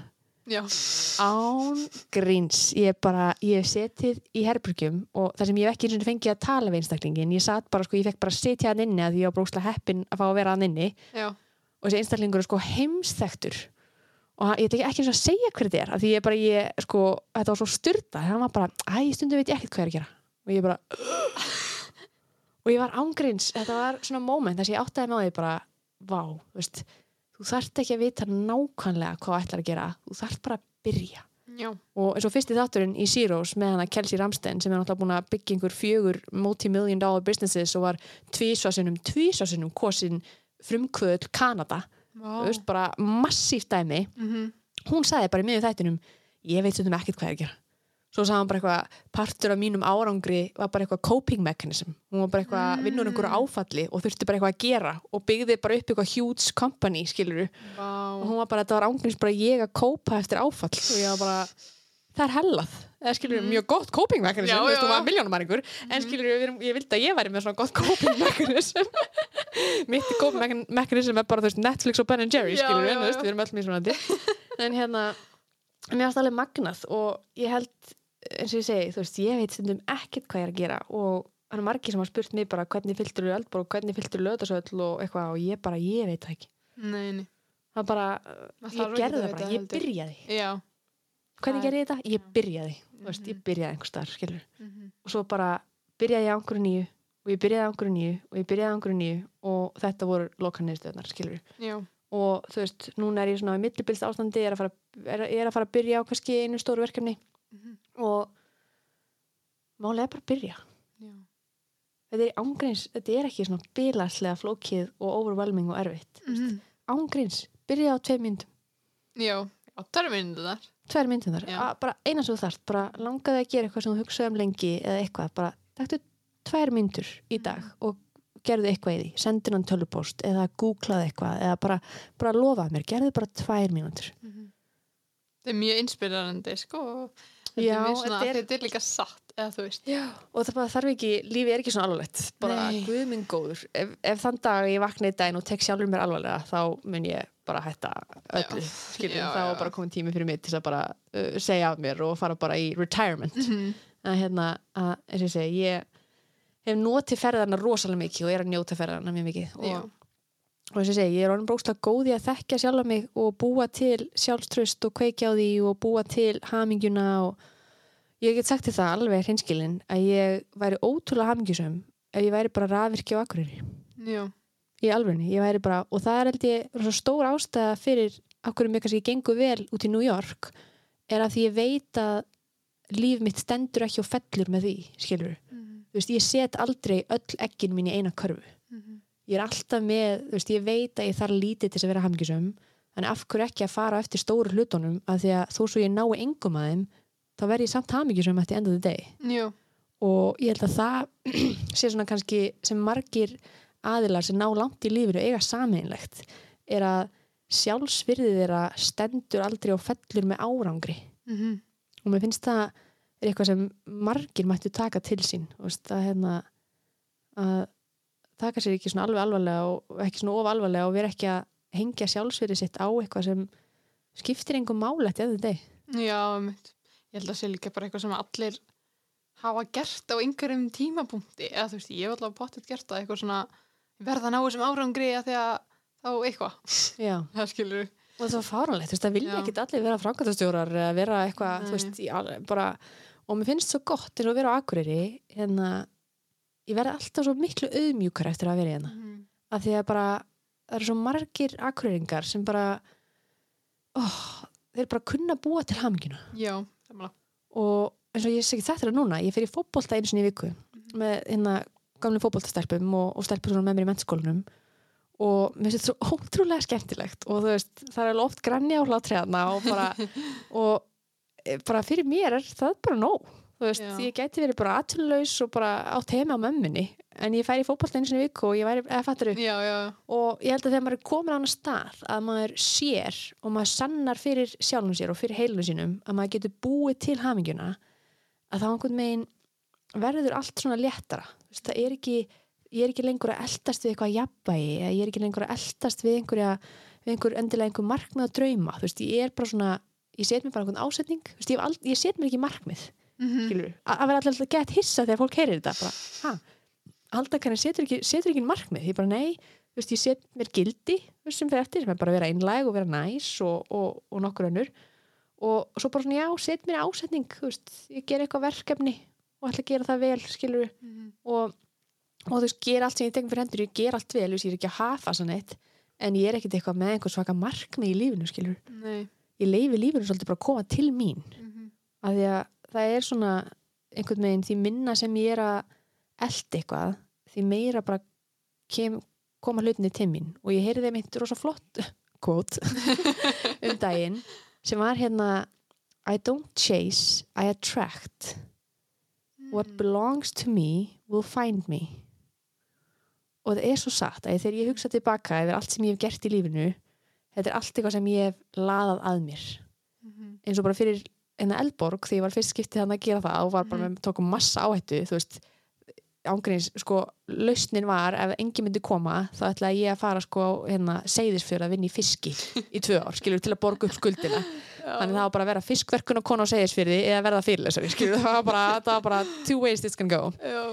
og ég skrifaði í dagbókinu mín á þessum tíma uppselt í Eldborg og það var eitthvað svona manifestation sem ég hefði lesið, þú veist, að skrifa niður bara sexinum í dagbókinu á hverjum einsta degi uppselt í Eldborg. Og bara vákvað ég glöðar uppselt í Eldborg, vákvað ég gaman að skrifa Facebook postar uppselt í Eldborg, vákvað ég gaman að, eða fattur Já, já.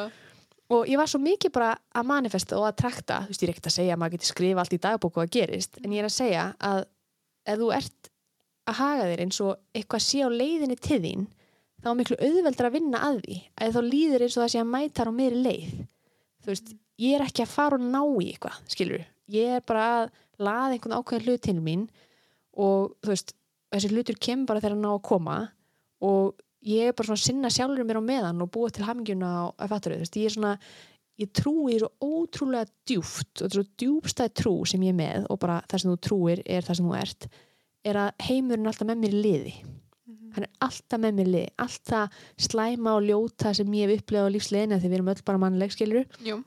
að það var eitthvað sem hjálpaði mér að vera sterkari og hjálpaði mér að sjá lífið öðru sig og hjálpaði mér að búa til mér hamingju og hjálpaði mér að læra inn á sjálfa mig þannig ég get litið tilbaka á líf mitt og sagt í alvegurinn bara vá, takk heimur skilur bara, þú ert búin að fleita mér sko þú veist, ég er 27 ára og ég er komin lengra en ég bara gætt ímynda mér ég gæti gert skilur Mhm. Og það er svo mikið að því ég bara laðið að mig góða hluti með bara þakklætinu og einlagninni og bara að njóta skilur Já, Þú veist, þegar ég lendi í vesinni ef ég hef eitthvað vandamál, sem ég bara ég er í vandamál með fyrirtækinu mínu, eða bara eins og þegar ég var að skrifa bókina og var með bara massa writer's block bara satt og uh, horfði á okkar aukt wordskjál í þrjá tíma skilur, þá fór ég bara að gera í sjálfsvinnu. Ég fór bara út að labba. Ég fór út að labba og ég skrifaði í dagbókina mína og ég hugleiti, veist, þegar ég lendi í einhverju sem er svona eitthvað vesen eitthvað ég veit ekki hvað ég á að gera, þá fer ég bara að vinna í sjálfur mér að því að veist, það er einhvern veginn þá kemur svari alltaf til mín Mhm. og þetta er svo ótrúlega áhugavert að svona, ég er svo mikið byrjað að tengja hann á milli að því meiri sjálfsögnin sem ég geri því svona meira gefur lífið mér Já. og þannig svona sannaði ég fyrir sjálfur mér að bara tilgangu lífsins er bara að vaksa sem sál skilur og ef ég, ég er sífælt að vaksa ef ég er sífælt að uh, finna út nýja hluti um sjálfa mig og þekkja mig betur og mín uh, fyrri líf og mín næstu líf og allt þetta að, hérna, að þá er svona einmitt þá veluna líf mitt eða lífið mig með alls konar veist, skemmtilegheitum Já, skilur akkurat. Hérna, mér langar að spyrja þig, ég er forvitin að vita að þú sagðir áðan að þú helst kannski að vera í herbyggi með fullt af köllmönnum á fundi. mm -hmm. Þeir fannst þú hafa kannski eitthvað smá advantage af því að þú ert samkynnið. Já. Veistu þið eitthvað, eh, gerir einhver grein fyrir af hverju það getur verið? Æ, ég veit ekki, ég held að sko, ég, þetta er bara svona hugsun sem ég nýbyrja að hugsa um af því ég mitt hef unni rosalega mikið með kallmennum og ég hef alltaf verið umkring kallmennum bara, þú veist, að ég er rosalega mikið að söludeildum er rosalega mikið kallmenn um, í svona, þú veist, þarna pizza og allt þetta Mm. og, og, og hann að þessi frumkvæla heimur og þú veist í, í, já, ég hef bara unnið bara því miður lang mest með kallmennum sem er óslega leðt en ég er að laga, veist, I'm working on it, I'm working on it.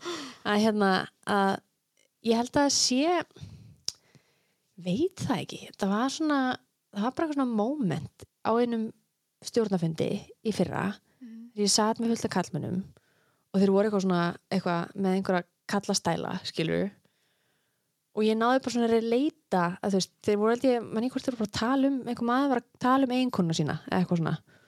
Og ég tengdi bara við hana því ég átti sjálf eiginkonna á þeim tíma. Já. og það bara gaf mér ákveð forskott Mm að ég gat einhvern veginn sagt þú veist, ég gat tengt við hann bara, oh yeah, my wife, just the same, eða fattur Já. en ég held að það sé alveg bara það. Það er ekkert eitthvað meira á bakveð heldur en það sko. Mhm. og hérna að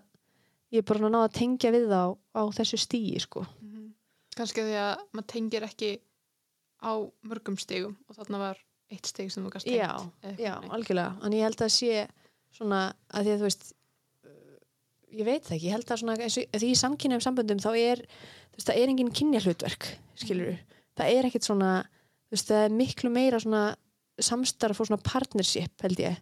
Uh, sem svona eins og ég segi, þegar, þannig þegar fólk talar um þú veist að já, konan er alltaf heima að þú veist gera þvottinn og er miklu meira að þurrka af heldur nokkuð tíðan kallmaðurinn þú veist, ég tengi ekki þetta, fattaru eða þú veist, nema bara sem ég upplega kannski á fóröldrum mínum skilur Mhm. en hérna þannig ég held að ég hef einhvern veginn bara svona náða að, að já, tengja við hann út af því. Mhm. var ekki þetta meina það? Já, já Eitt jákvægt, að ég tengi heldur ekki við það en samt er ég Nei. í kakkinniðu sambandi þannig að það er greinilega eitthvað að breytast. Ég fann svona þegar þú sagðir þetta svona að þetta er meira þannig, að þetta var náttúrulega alltaf þannig já, ég fann svona, ok, næs, uh, eitt skrif áfram að því ég tengi ekki neitt við þetta. Já, einmitt, já, já, algjörlega. Þannig að en hva, hvað mótur þú? 97 97, þannig að þú ert Nei, þú ert ekki Gen Z, Mm, ég held ekki. Nei, þú ert millenn- millennial Já. örugglega.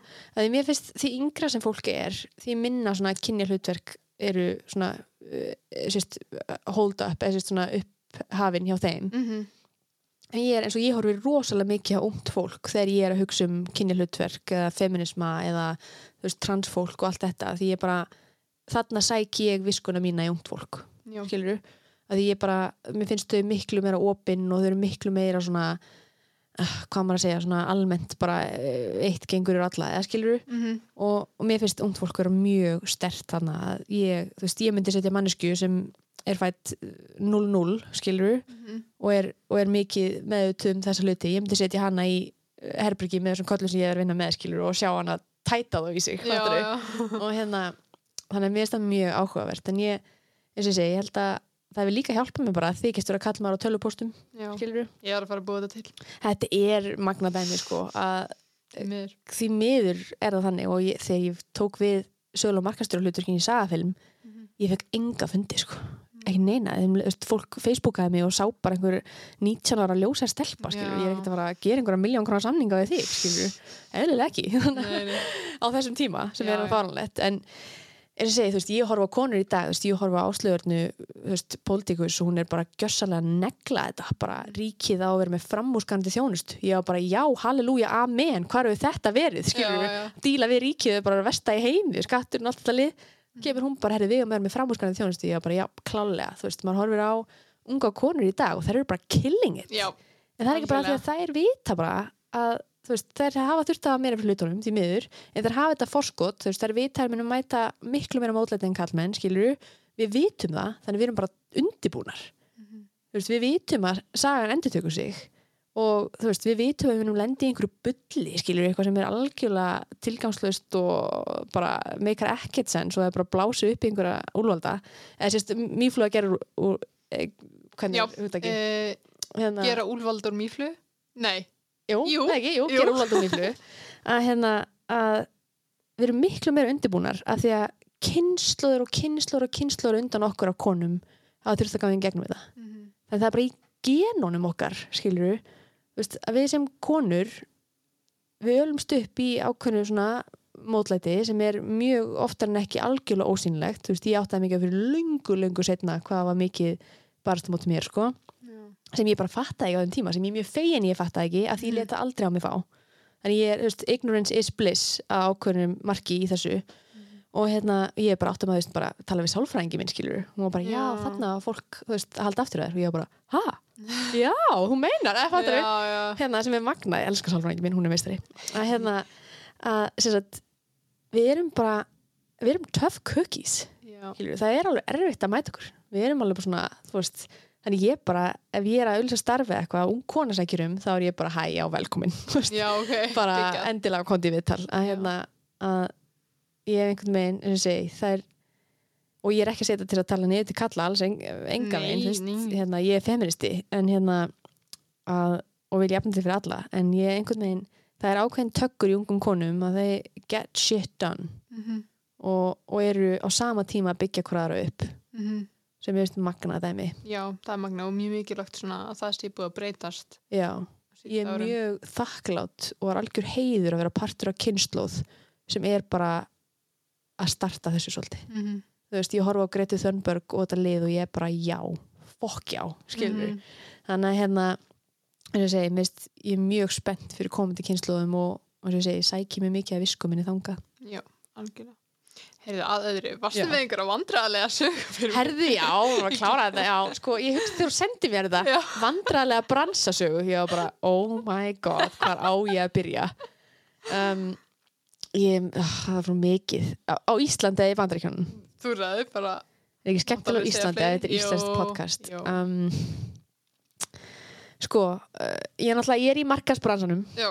sölu á markasbransanum, þótt að margir halda ég sé í andlegu hilsubransanum sem var endur alveg, Ah. sem var alveg moment í mínu lífi, ég er svona, ég er, ég er allt múlíkt kona. Já, Ég er já, svona, geggjað. ég er svona ekki típan, öfunda fólk sem er með svona eina ástriði Uh, já. ég þólir ekki, það er bara eitthvað ég ætla bara að vera vélstjóri og er svo bara vélstjóri og ég er bara, ó, vá hvað væri einfalt líf að geta verið það, þú veist, mér langar að gera allt þannig ég er að fara að gera allt, Mhm.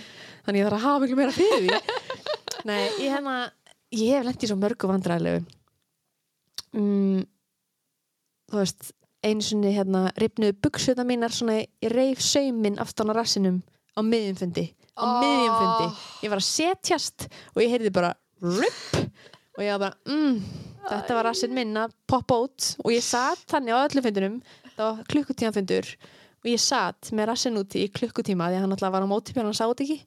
Svo stóð ég upp og ég snér mig við og það var gler á bakumi á hurðina. Þannig ég bara allir sem löppuðu framhjá að þetta var svona stóll með svona glæru baki eða þú veist rassinn minn.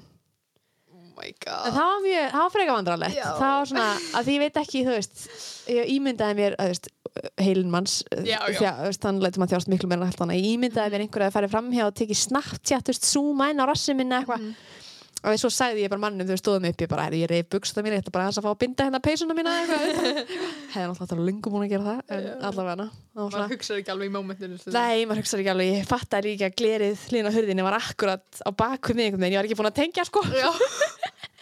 En ég held að það er svona, það er svona, já, í top 3 svona vandrarlestu bransasögur, sko. Það er ræðilegt, sko. Það er, er aldrei gaman, sko. Nei. Ég þekki líka marga sem hafa lent í þessu. Er það?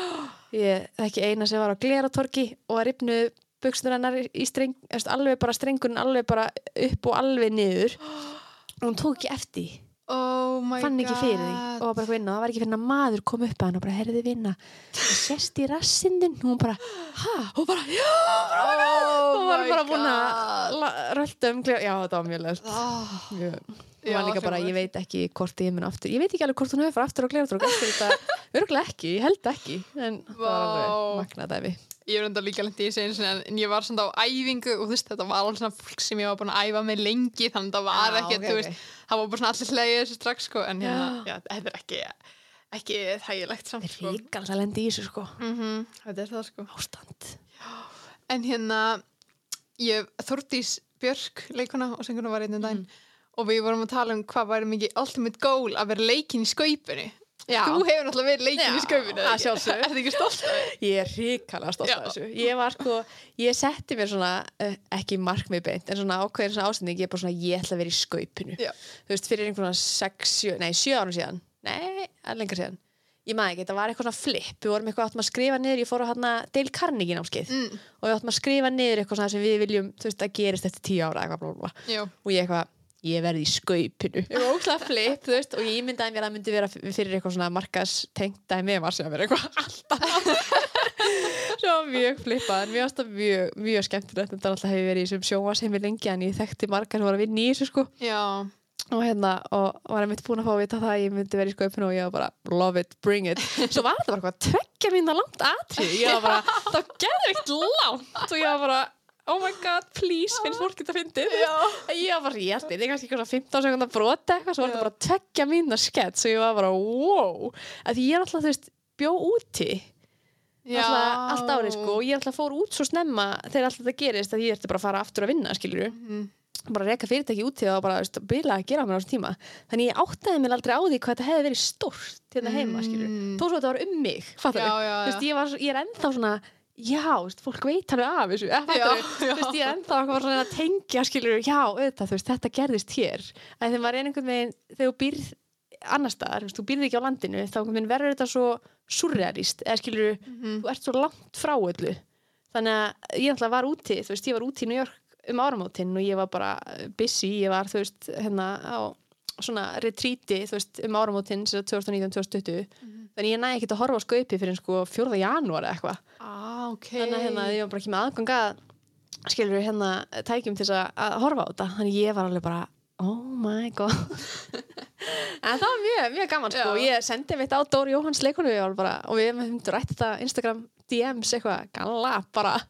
Ég ætla sko að fá hann til að leikja auglýsingu fyrir hérna lífsbiblíuna bókina nema hún komst ekki, hún var hérna upptökin það var, það var planið sko en við höfum örgulega eftir að gera eitthvað svona já, það var náði mér svo vel. Ég var alveg bara massa impressed. Já. ég var bara bara have my hat off to you sko, bara vel gert. Ef við vantar einhvern tíma svona doppelganger ef ég Hann bóku svo á fyrirlestur snill. eitthvað ég bara, herri Dóra mín, ég kemst ekki en að hoppa inn, inn í vísbyrjum og halda einn fyrirlestur eitthvað.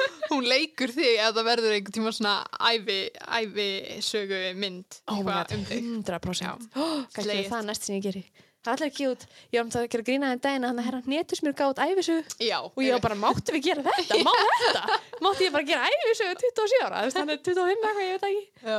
Bara eitthvað, gefa út æfisögu. Ég Já. var bara, ok, fíla þig. Ég bara, I support it. ég býst við þinni bara jól 2021 Já, ég fór einmitt sko, ég fór til miðils þegar ég var 18 ára. Mm. Hún sagði við mig, ég myndi gefa út 6 metsulubækur. ok, Ég er búin að gefa út eina metsulubók. já, Þannig að ég á 5 eftir. Það er nægu tími og tími sko. ég held það En það var það sko, þegar við vorum að skrifa þetta, ég og Silja Björk vinkonu mín, við vorum bara, við vorum bara að drífa í þessu alltaf, þú ert að gefa út 6 metsulubækur, þú ert orðin 27 ára, þú ert að drífa í allan einn, Já. skilur og ég var bara, já, ok, ég gefa út eina á 10 ára fresti, þá næ ég þessu, Já. alveg vel sko, þannig að, eða vonandi, þú veist, Mhm. ég er ekkert að fara að yfirgefa hérna uh, heiminn alveg strax, en hérna, já, þannig þetta var mjög, mjög, mjög, mjög gaman, það var mjög gott skaup uh, það ár, Mhm. Og var hann að hjólabrandarinn sem ást ógislega fyndin var einhver hjólagaur eitthvað fáðu þið bíl eitthvað. Ah, já. Það var mjög gott. Þannig að þetta var mjög, mjög skemmtilegt. Mhm, algjörlega. Það er gaman þessu. Já, en, hún var líka skaupina mitt Þórtís núna síðast Já, núna síðast, Já, já, já, já, henni fannst það líka mjög fyndið, sko, hérna, hún var mjög stolt að, hún var mjög stolt að, sko, að hafa verið leikin í skaupinni áður en hún fekk að leiki í geggjað. já, það er geðvikt Mhm. já, ég hefði vilja sko leika sjálfa mig mér þess það ekki að það er ekki að Ah, fyndið nei, en það er bara svo ógslag gaman Já, en ég er náttúrulega, ég get ekki leikið fyrir fimm ára sko en ég ekki, það er kannski að næsta námskeið. já, skellin á leiklistanámskeið Mm, Já, það er að ógæðislega gaman. Já. Það, ég að ég myndi segja svona leik og dans námskeið, bara allir eiga að fara það saman hvort þeir ætla að vera góðir eða ekki, sko. Já, ég hef heyrt að með svona improv-námskeið séu Mhm. mitt rosa skemmtileg upp á mitt að vera svona spontant, eitthvað, Mhm. segja já við öllu og svona Já, mjög skeri en mjög gaman. mjög scary, ég veit, mjög scary En okkur langar að mæla með einni mynd, ég held að sé bara, við mælum bara með henni í þessu podcasti. já, einmitt Moxie Moxie. á Netflix Mhm. Oh my god Gekkið. Þetta er svona, oh, þú veist, þetta var mynd sem ég ætlaði bara að slökka á heilanum yfir. Já, En endaði alls ekki þannig, eða skiljur En ég bara, svona, ég leiti ekki á síma minni í tvo tíma sko, sem er bara Já, aðveg og ég, einmitt, ef það er einhver mynd sem heldur þá er það Moxie, sko, Mhm. og bara sérstaklega þú ert kona, bara, já, þetta er bara skildu áhorf ef þú Mhm. ert kona að horfa á þessa mynd og sérstaklega ungar konur. sérstaklega okkar konur, já, Já, já, við segjum bara, horfið á þessa mynd. horfið á Moxie Ég, ég held að ég segi það bara, horfið á hana. ég segi ekki til það. Nei, hún er bara, e, e, sko, ég hef, það hefði verið mikilvægt ef hún hefði komið út þegar við vorum ungar, til dæmis. Já. Þú veist, það hefði verið ekki. Já, En það alltaf átta komin mig á út núna. mörgu sem ég áttaði mig ekki á þá Já, og ég fer alveg svona, ég er alveg svona báðum áttum þú veist, ég er alveg svona vil ég að þú veist, segjum að við eignast dóttir einn daginn, vil ég að hún viti að, þú veist, allar þessar ósýnlegu ósýnlegu mælikvarða og ósýnlegu um, standarda sem samfélagið er með fyrir konur eða vil ég að hún viti það ekki og þú veist, láti það ekki á sig ég er svo geðvikt á báðum áttum að mér langar að geta þess að ræða þetta við einhvern, að heyra einhvern tala um einhvern, þú veist, ég veit það ekki barnasálfræðing eða bara einhvern uppeldis ég veit það ekki, sem er bara hvort er betra fyrir börn, þú veist, alast upp vitandi að það er eitthvað að halda aftur í lífinu og bara reyna þú veist, íta á hana og sannfæra hann um að það er ekki láta hann að stoppa sig. Og bara, eða fattar eins og ég var alltaf þú veist, ég var alltaf bara ignorant yfir þessu. Mhm, en þú veist, kannski hefði verið komin helmingi lengri í lífinu hefði ég vitað þetta, skilur en kannski ekki, kannski hefði verið bara hrætt og haldið að lífið var á móti mér. Æst, þetta er svo, já, ég er svo geðið torn ég er svo mikið búin að hugsa um þetta, heyrðu það ég er búin að hugsa svo já. mikið um þetta síðust þetta Mhm. eftir þessa moxi mynd. Já, ég er búin að hugsa svo mikið um þetta bara að því ég er núna algjörlega búin að setja með þann ásetning fyrir 2021 að, að gera meira í aktivisma og feminisma og öllu þessu og ég er búin að vera að hérna dónita pening með alls konar svona stofnanir og eitthvað að hérna og samtök. Og er núna að leita leiðið með mitt og byrjaði Zeros podcastið mitt út frá þessu að Mhm. bara segja frá, eða sem segja sögu kvenna og taka viðtöl við konur sem er að skrifa söguna núna. Þannig að hérna ég, eins og ég segi, ég, ég er mikið þetta er mitt hjartans mál þess að dana já það er bara, ég, þetta er mjög góð pæling sko, myndi maður já, vilja vita þetta eða ekki? Þetta ánlega bara ekki vera til, skilur Nei. það er náttúrulega, þú veist, in an Nákvæmlega. ideal world. Já. en þetta er til og þú veist, ég upplifði þetta ennþá. Þú veist, ég er búin að vera í markarsbransan núna í tíu ár. Mhm.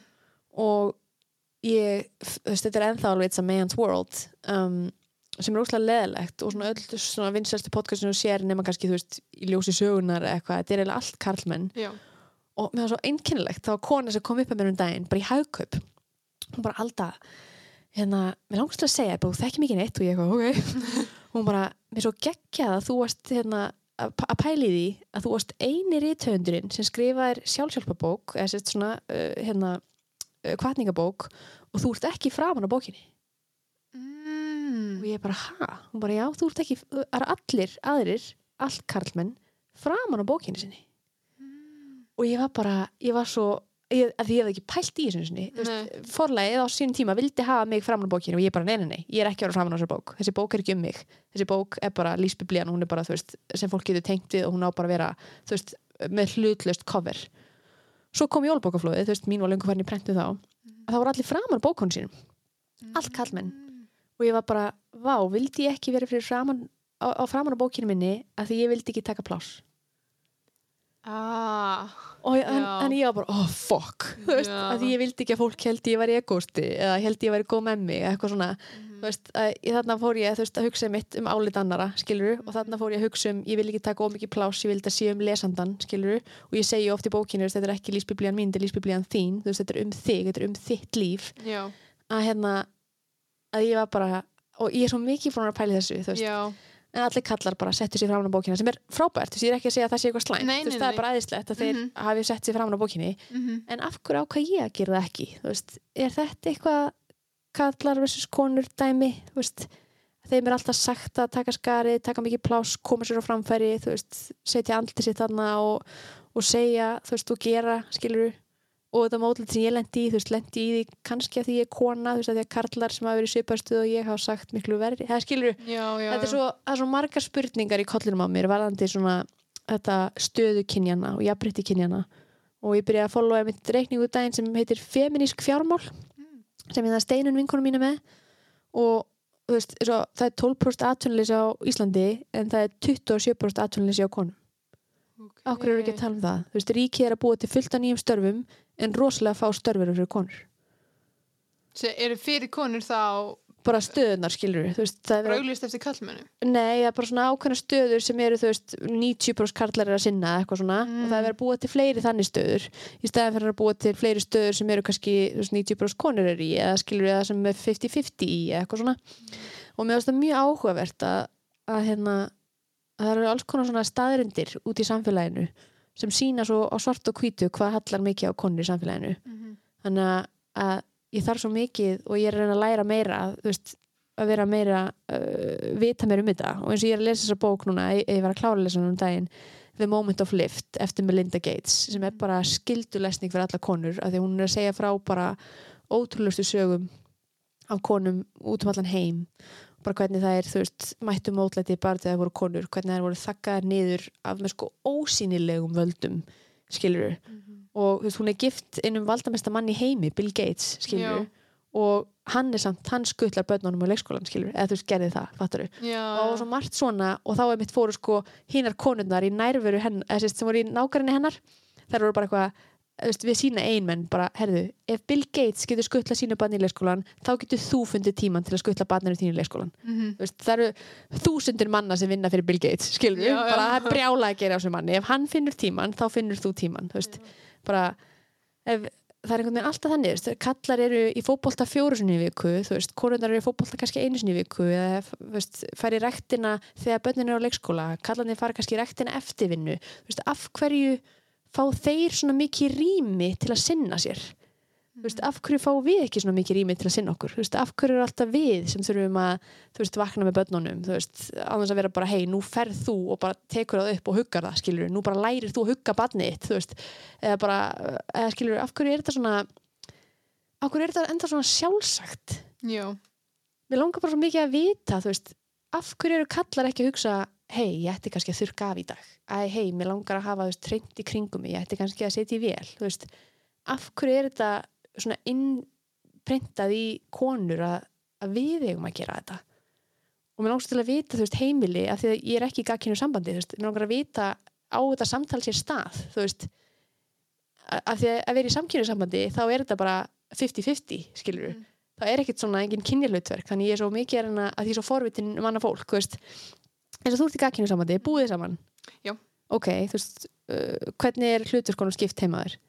það er eiginlega bara alveg sko, þú veist, 50-50 þú veist, hann þrýfa með þess að örgla meira en ég ef eitthvað er sko Já, það er geggjað já, þannig að þú veist, hann setur meir í vél eða þóttinn og Já. uppvaskið og allt þetta já, ég held að hann er rosa um, rosa duglegur að þú veist, halda öllu hreinu í kringum sig svona alltaf Já. Þú veist, ég, mm, ég veit ekki hvort ég sé meira í því að taka það er held ég bara persónuleiki minn ég tek svona allt í einu og svo verður allt skítið út aftur og svo tek ég allt í einu en hann er, hann er held ég svona mm, það vona að hann hlust ekki á þetta en ég held ég verða að gefa honum samt að hann svona ég held að þetta sé svona 50-50 en Já. ef einhver gerir meira þá er það örgulega hann sko, Já. hann er duglegur að minna mig á að bara, hei, tökum bara upp þessu eftir þetta vel núna, það tekur tvær mínútur, skilur Já. en þú veist, við gerum þetta alveg saman, sko. Já. Ég held á sért í minnutóp ég held það, ég veit Já, það ekki. það ég von innilega að séu fleiri eins og hjá þér að það sé Já. rosa mikið 50-50 og, og menninir eru hreinir og svona. En eins og ég segi, þetta er mér finnst þetta mjög áhugavert að eins og sérstaklega að það kemur að börnum veist, og ummunum barna Mhm. að það er aldrei tekið inn í veist, að konur eru alltaf í tveimur 150% stundum, þú veist, það er að reyna að standa svo mikið í ferlinum, svo koma þær heim og eru í fullri vinnu við að viðhalda heimili sem er ógæslega mikil vinna og það er Mhm. óborguð vinna, þetta er ólaunuð vinna sem tekur að þeim, þú veist, laun í hinni vinnunni, skilur Já. og mér finnst þetta alveg svona mjög sérstakt dæmi og ættum að vera að tala miklu meira um, veist, Mhm. Já, ég er núna forvitin að vita hvort þetta sé að því ég hugsa alltaf bara að þegar maður þekkir náttúrulega bara sitt samband Já. hugsa ég bara að öll Allt sé sé eins og eins. mitt. Ef fattar, en svo er það kannski ekki það er sko á mínum aldrei er ég meina veist, að það sé bara allt eins. En svo er það bara kannski ekki þannig, ég veit það ekki. Nei, mér finnst það mjög áhugavert. Ég Já, hef allan að tekið eftir í svona mínum nær sambundum að fólki sem ég hef heyrt af að það sé mitt mikið þetta að hérna að kallandir fá svolítið meira rými til þess að ah. Á að- þínum aldri já, á mínum ok, aldri já, ok. Á, sem- meira rými til að fara meira í rektina eru meira með strákonum veist. Það eru margir strákar á mínum aldri sem eru ennþá að æfa bara svona uh, svona, svona utan deildar fótbolta einhvern og eru þá Mhm. á æfingum fjóru sinni í viku og fara svo á leiki eða fattaru það er svo mikið af kallmennum sem eru ennþá þar og hérna og meðan konunnar eru kannski ekki, þú veist, þær eru kannski færi rektina á meðan enn í leikskóla eða fattur þær eru Já. svona meira aðlaga lífið sitt að börnunum skilur þannig að hérna, að mér finnst mjög áhugavert hva, hvort að þetta sé getur við gert eitthvað svona pól ég, ég er að segja, Já, ég er svo til í það sko. þú veist, hérna, heimaður skilur ert þú meira með barnið eða Þú veist, Já, mér langar geðvegt til þess að Já. vita sérstaklega fólki sem á börn. Mhm, og af hverju ert þú meira með barnið Þú veist, Mhm. af hverju ert það þú mhm. Þú veist, af hverju er þetta eitthvað sem hefur bara verið að aðhafast í langan tíma, skilur Já, við ætlum að gera það hérna, eitthvað, daginn eða daginn eftir að þessi þáttu kemur út, þá gerum við bara pól. Að þú veist, ef þér langar til þess að vera með bandið æðislegt, skilur já en af hverju langar þér til þess að vera með bandið Mhm. þú veist, af hverju langar þér ekki meira til þess að, þú veist, að maðurinn sem er bandið allavega þrjú kvöldi viku, skilur Mhm. og að þú, þú veist, gerir eitthvað sem þarf ekki endilega að fara ekki út með vinkonum eða bara, veist, bara vera einin í herbyrgi og hula, Mér finnst það mjög áhugavert að, hérna, að því ég trúi svo mikið að þú veist, þú ert alltaf að sjálfa í fyrsta sæti, alveg svona hvort þú eða ekki, þú veist, þú kemur fyrst, þú það er alltaf súrunni skrýma fyrst á því og svo bannið Mhm. að hérna, að ég trúi svo mikið að ef mitt sérstaklega fóreldrar og, og nú er ég mikið í kringum fóreldra að hérna að, að mikilvægt sem fóreldri og besta sem fóreldri getur gert fyrir barni sitt er að vinna í sjálfur sér skilur jú, og besta sem fóreldri getur gert fyrir barni sitt er að mynda að fara sjálft til sálfræðings og vinna í sínum áföllum svo, erfi, svo að barni erfið þau ekki skilur og allt Mhm. þetta.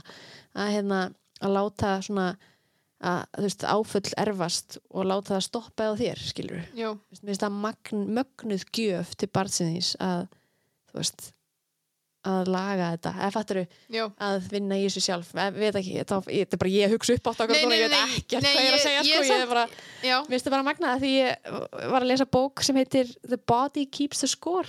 Mm, sem er um svona áföll og svona og mér varst að mér varst þessi setning, hún stakk mér svo áföll erfast. Já, þá var ég bara svona, ok, nýtt life mission. Ég ætla bara að laga mín fortíðar áföll sem eru þá Mhm. líka áföll sem ég er það mömmu og er það ömmu og allt þetta. Mm. Þetta mjög, ég geti sko tala við þig í allan dag Já, við saman, sko, ég við erum að fara víðan Já, veg í þessum já. allt og langt og ef þú stendar að hlusta þá ertu bara hetjan mín. Ég man á það með sem ekki meir en klukktími Nei, já, þú er bara svona 45 Já. minútur cirka, hvað er þetta langt? Þetta er einn og hálfur rúmlega. Gott mál, gott mál. Já, já, þetta er bara En takk æðislega fyrir að koma og geggja gaman að fá þig. Já, bara takk hérlega fyrir að fá mig, þetta var mjög skemmtilegt. Ég er bara að koma aftur. Já, algjörlega, við gerum rándfeng eftir pólið Eftir pólið, já. Og við getum beðið fóröldrum að koma og vera með okkur. Já, hundra Þetta verið ótrúlega áhugavert og ég er með svo það. spurningum Algjörlega, ég, þetta er slegið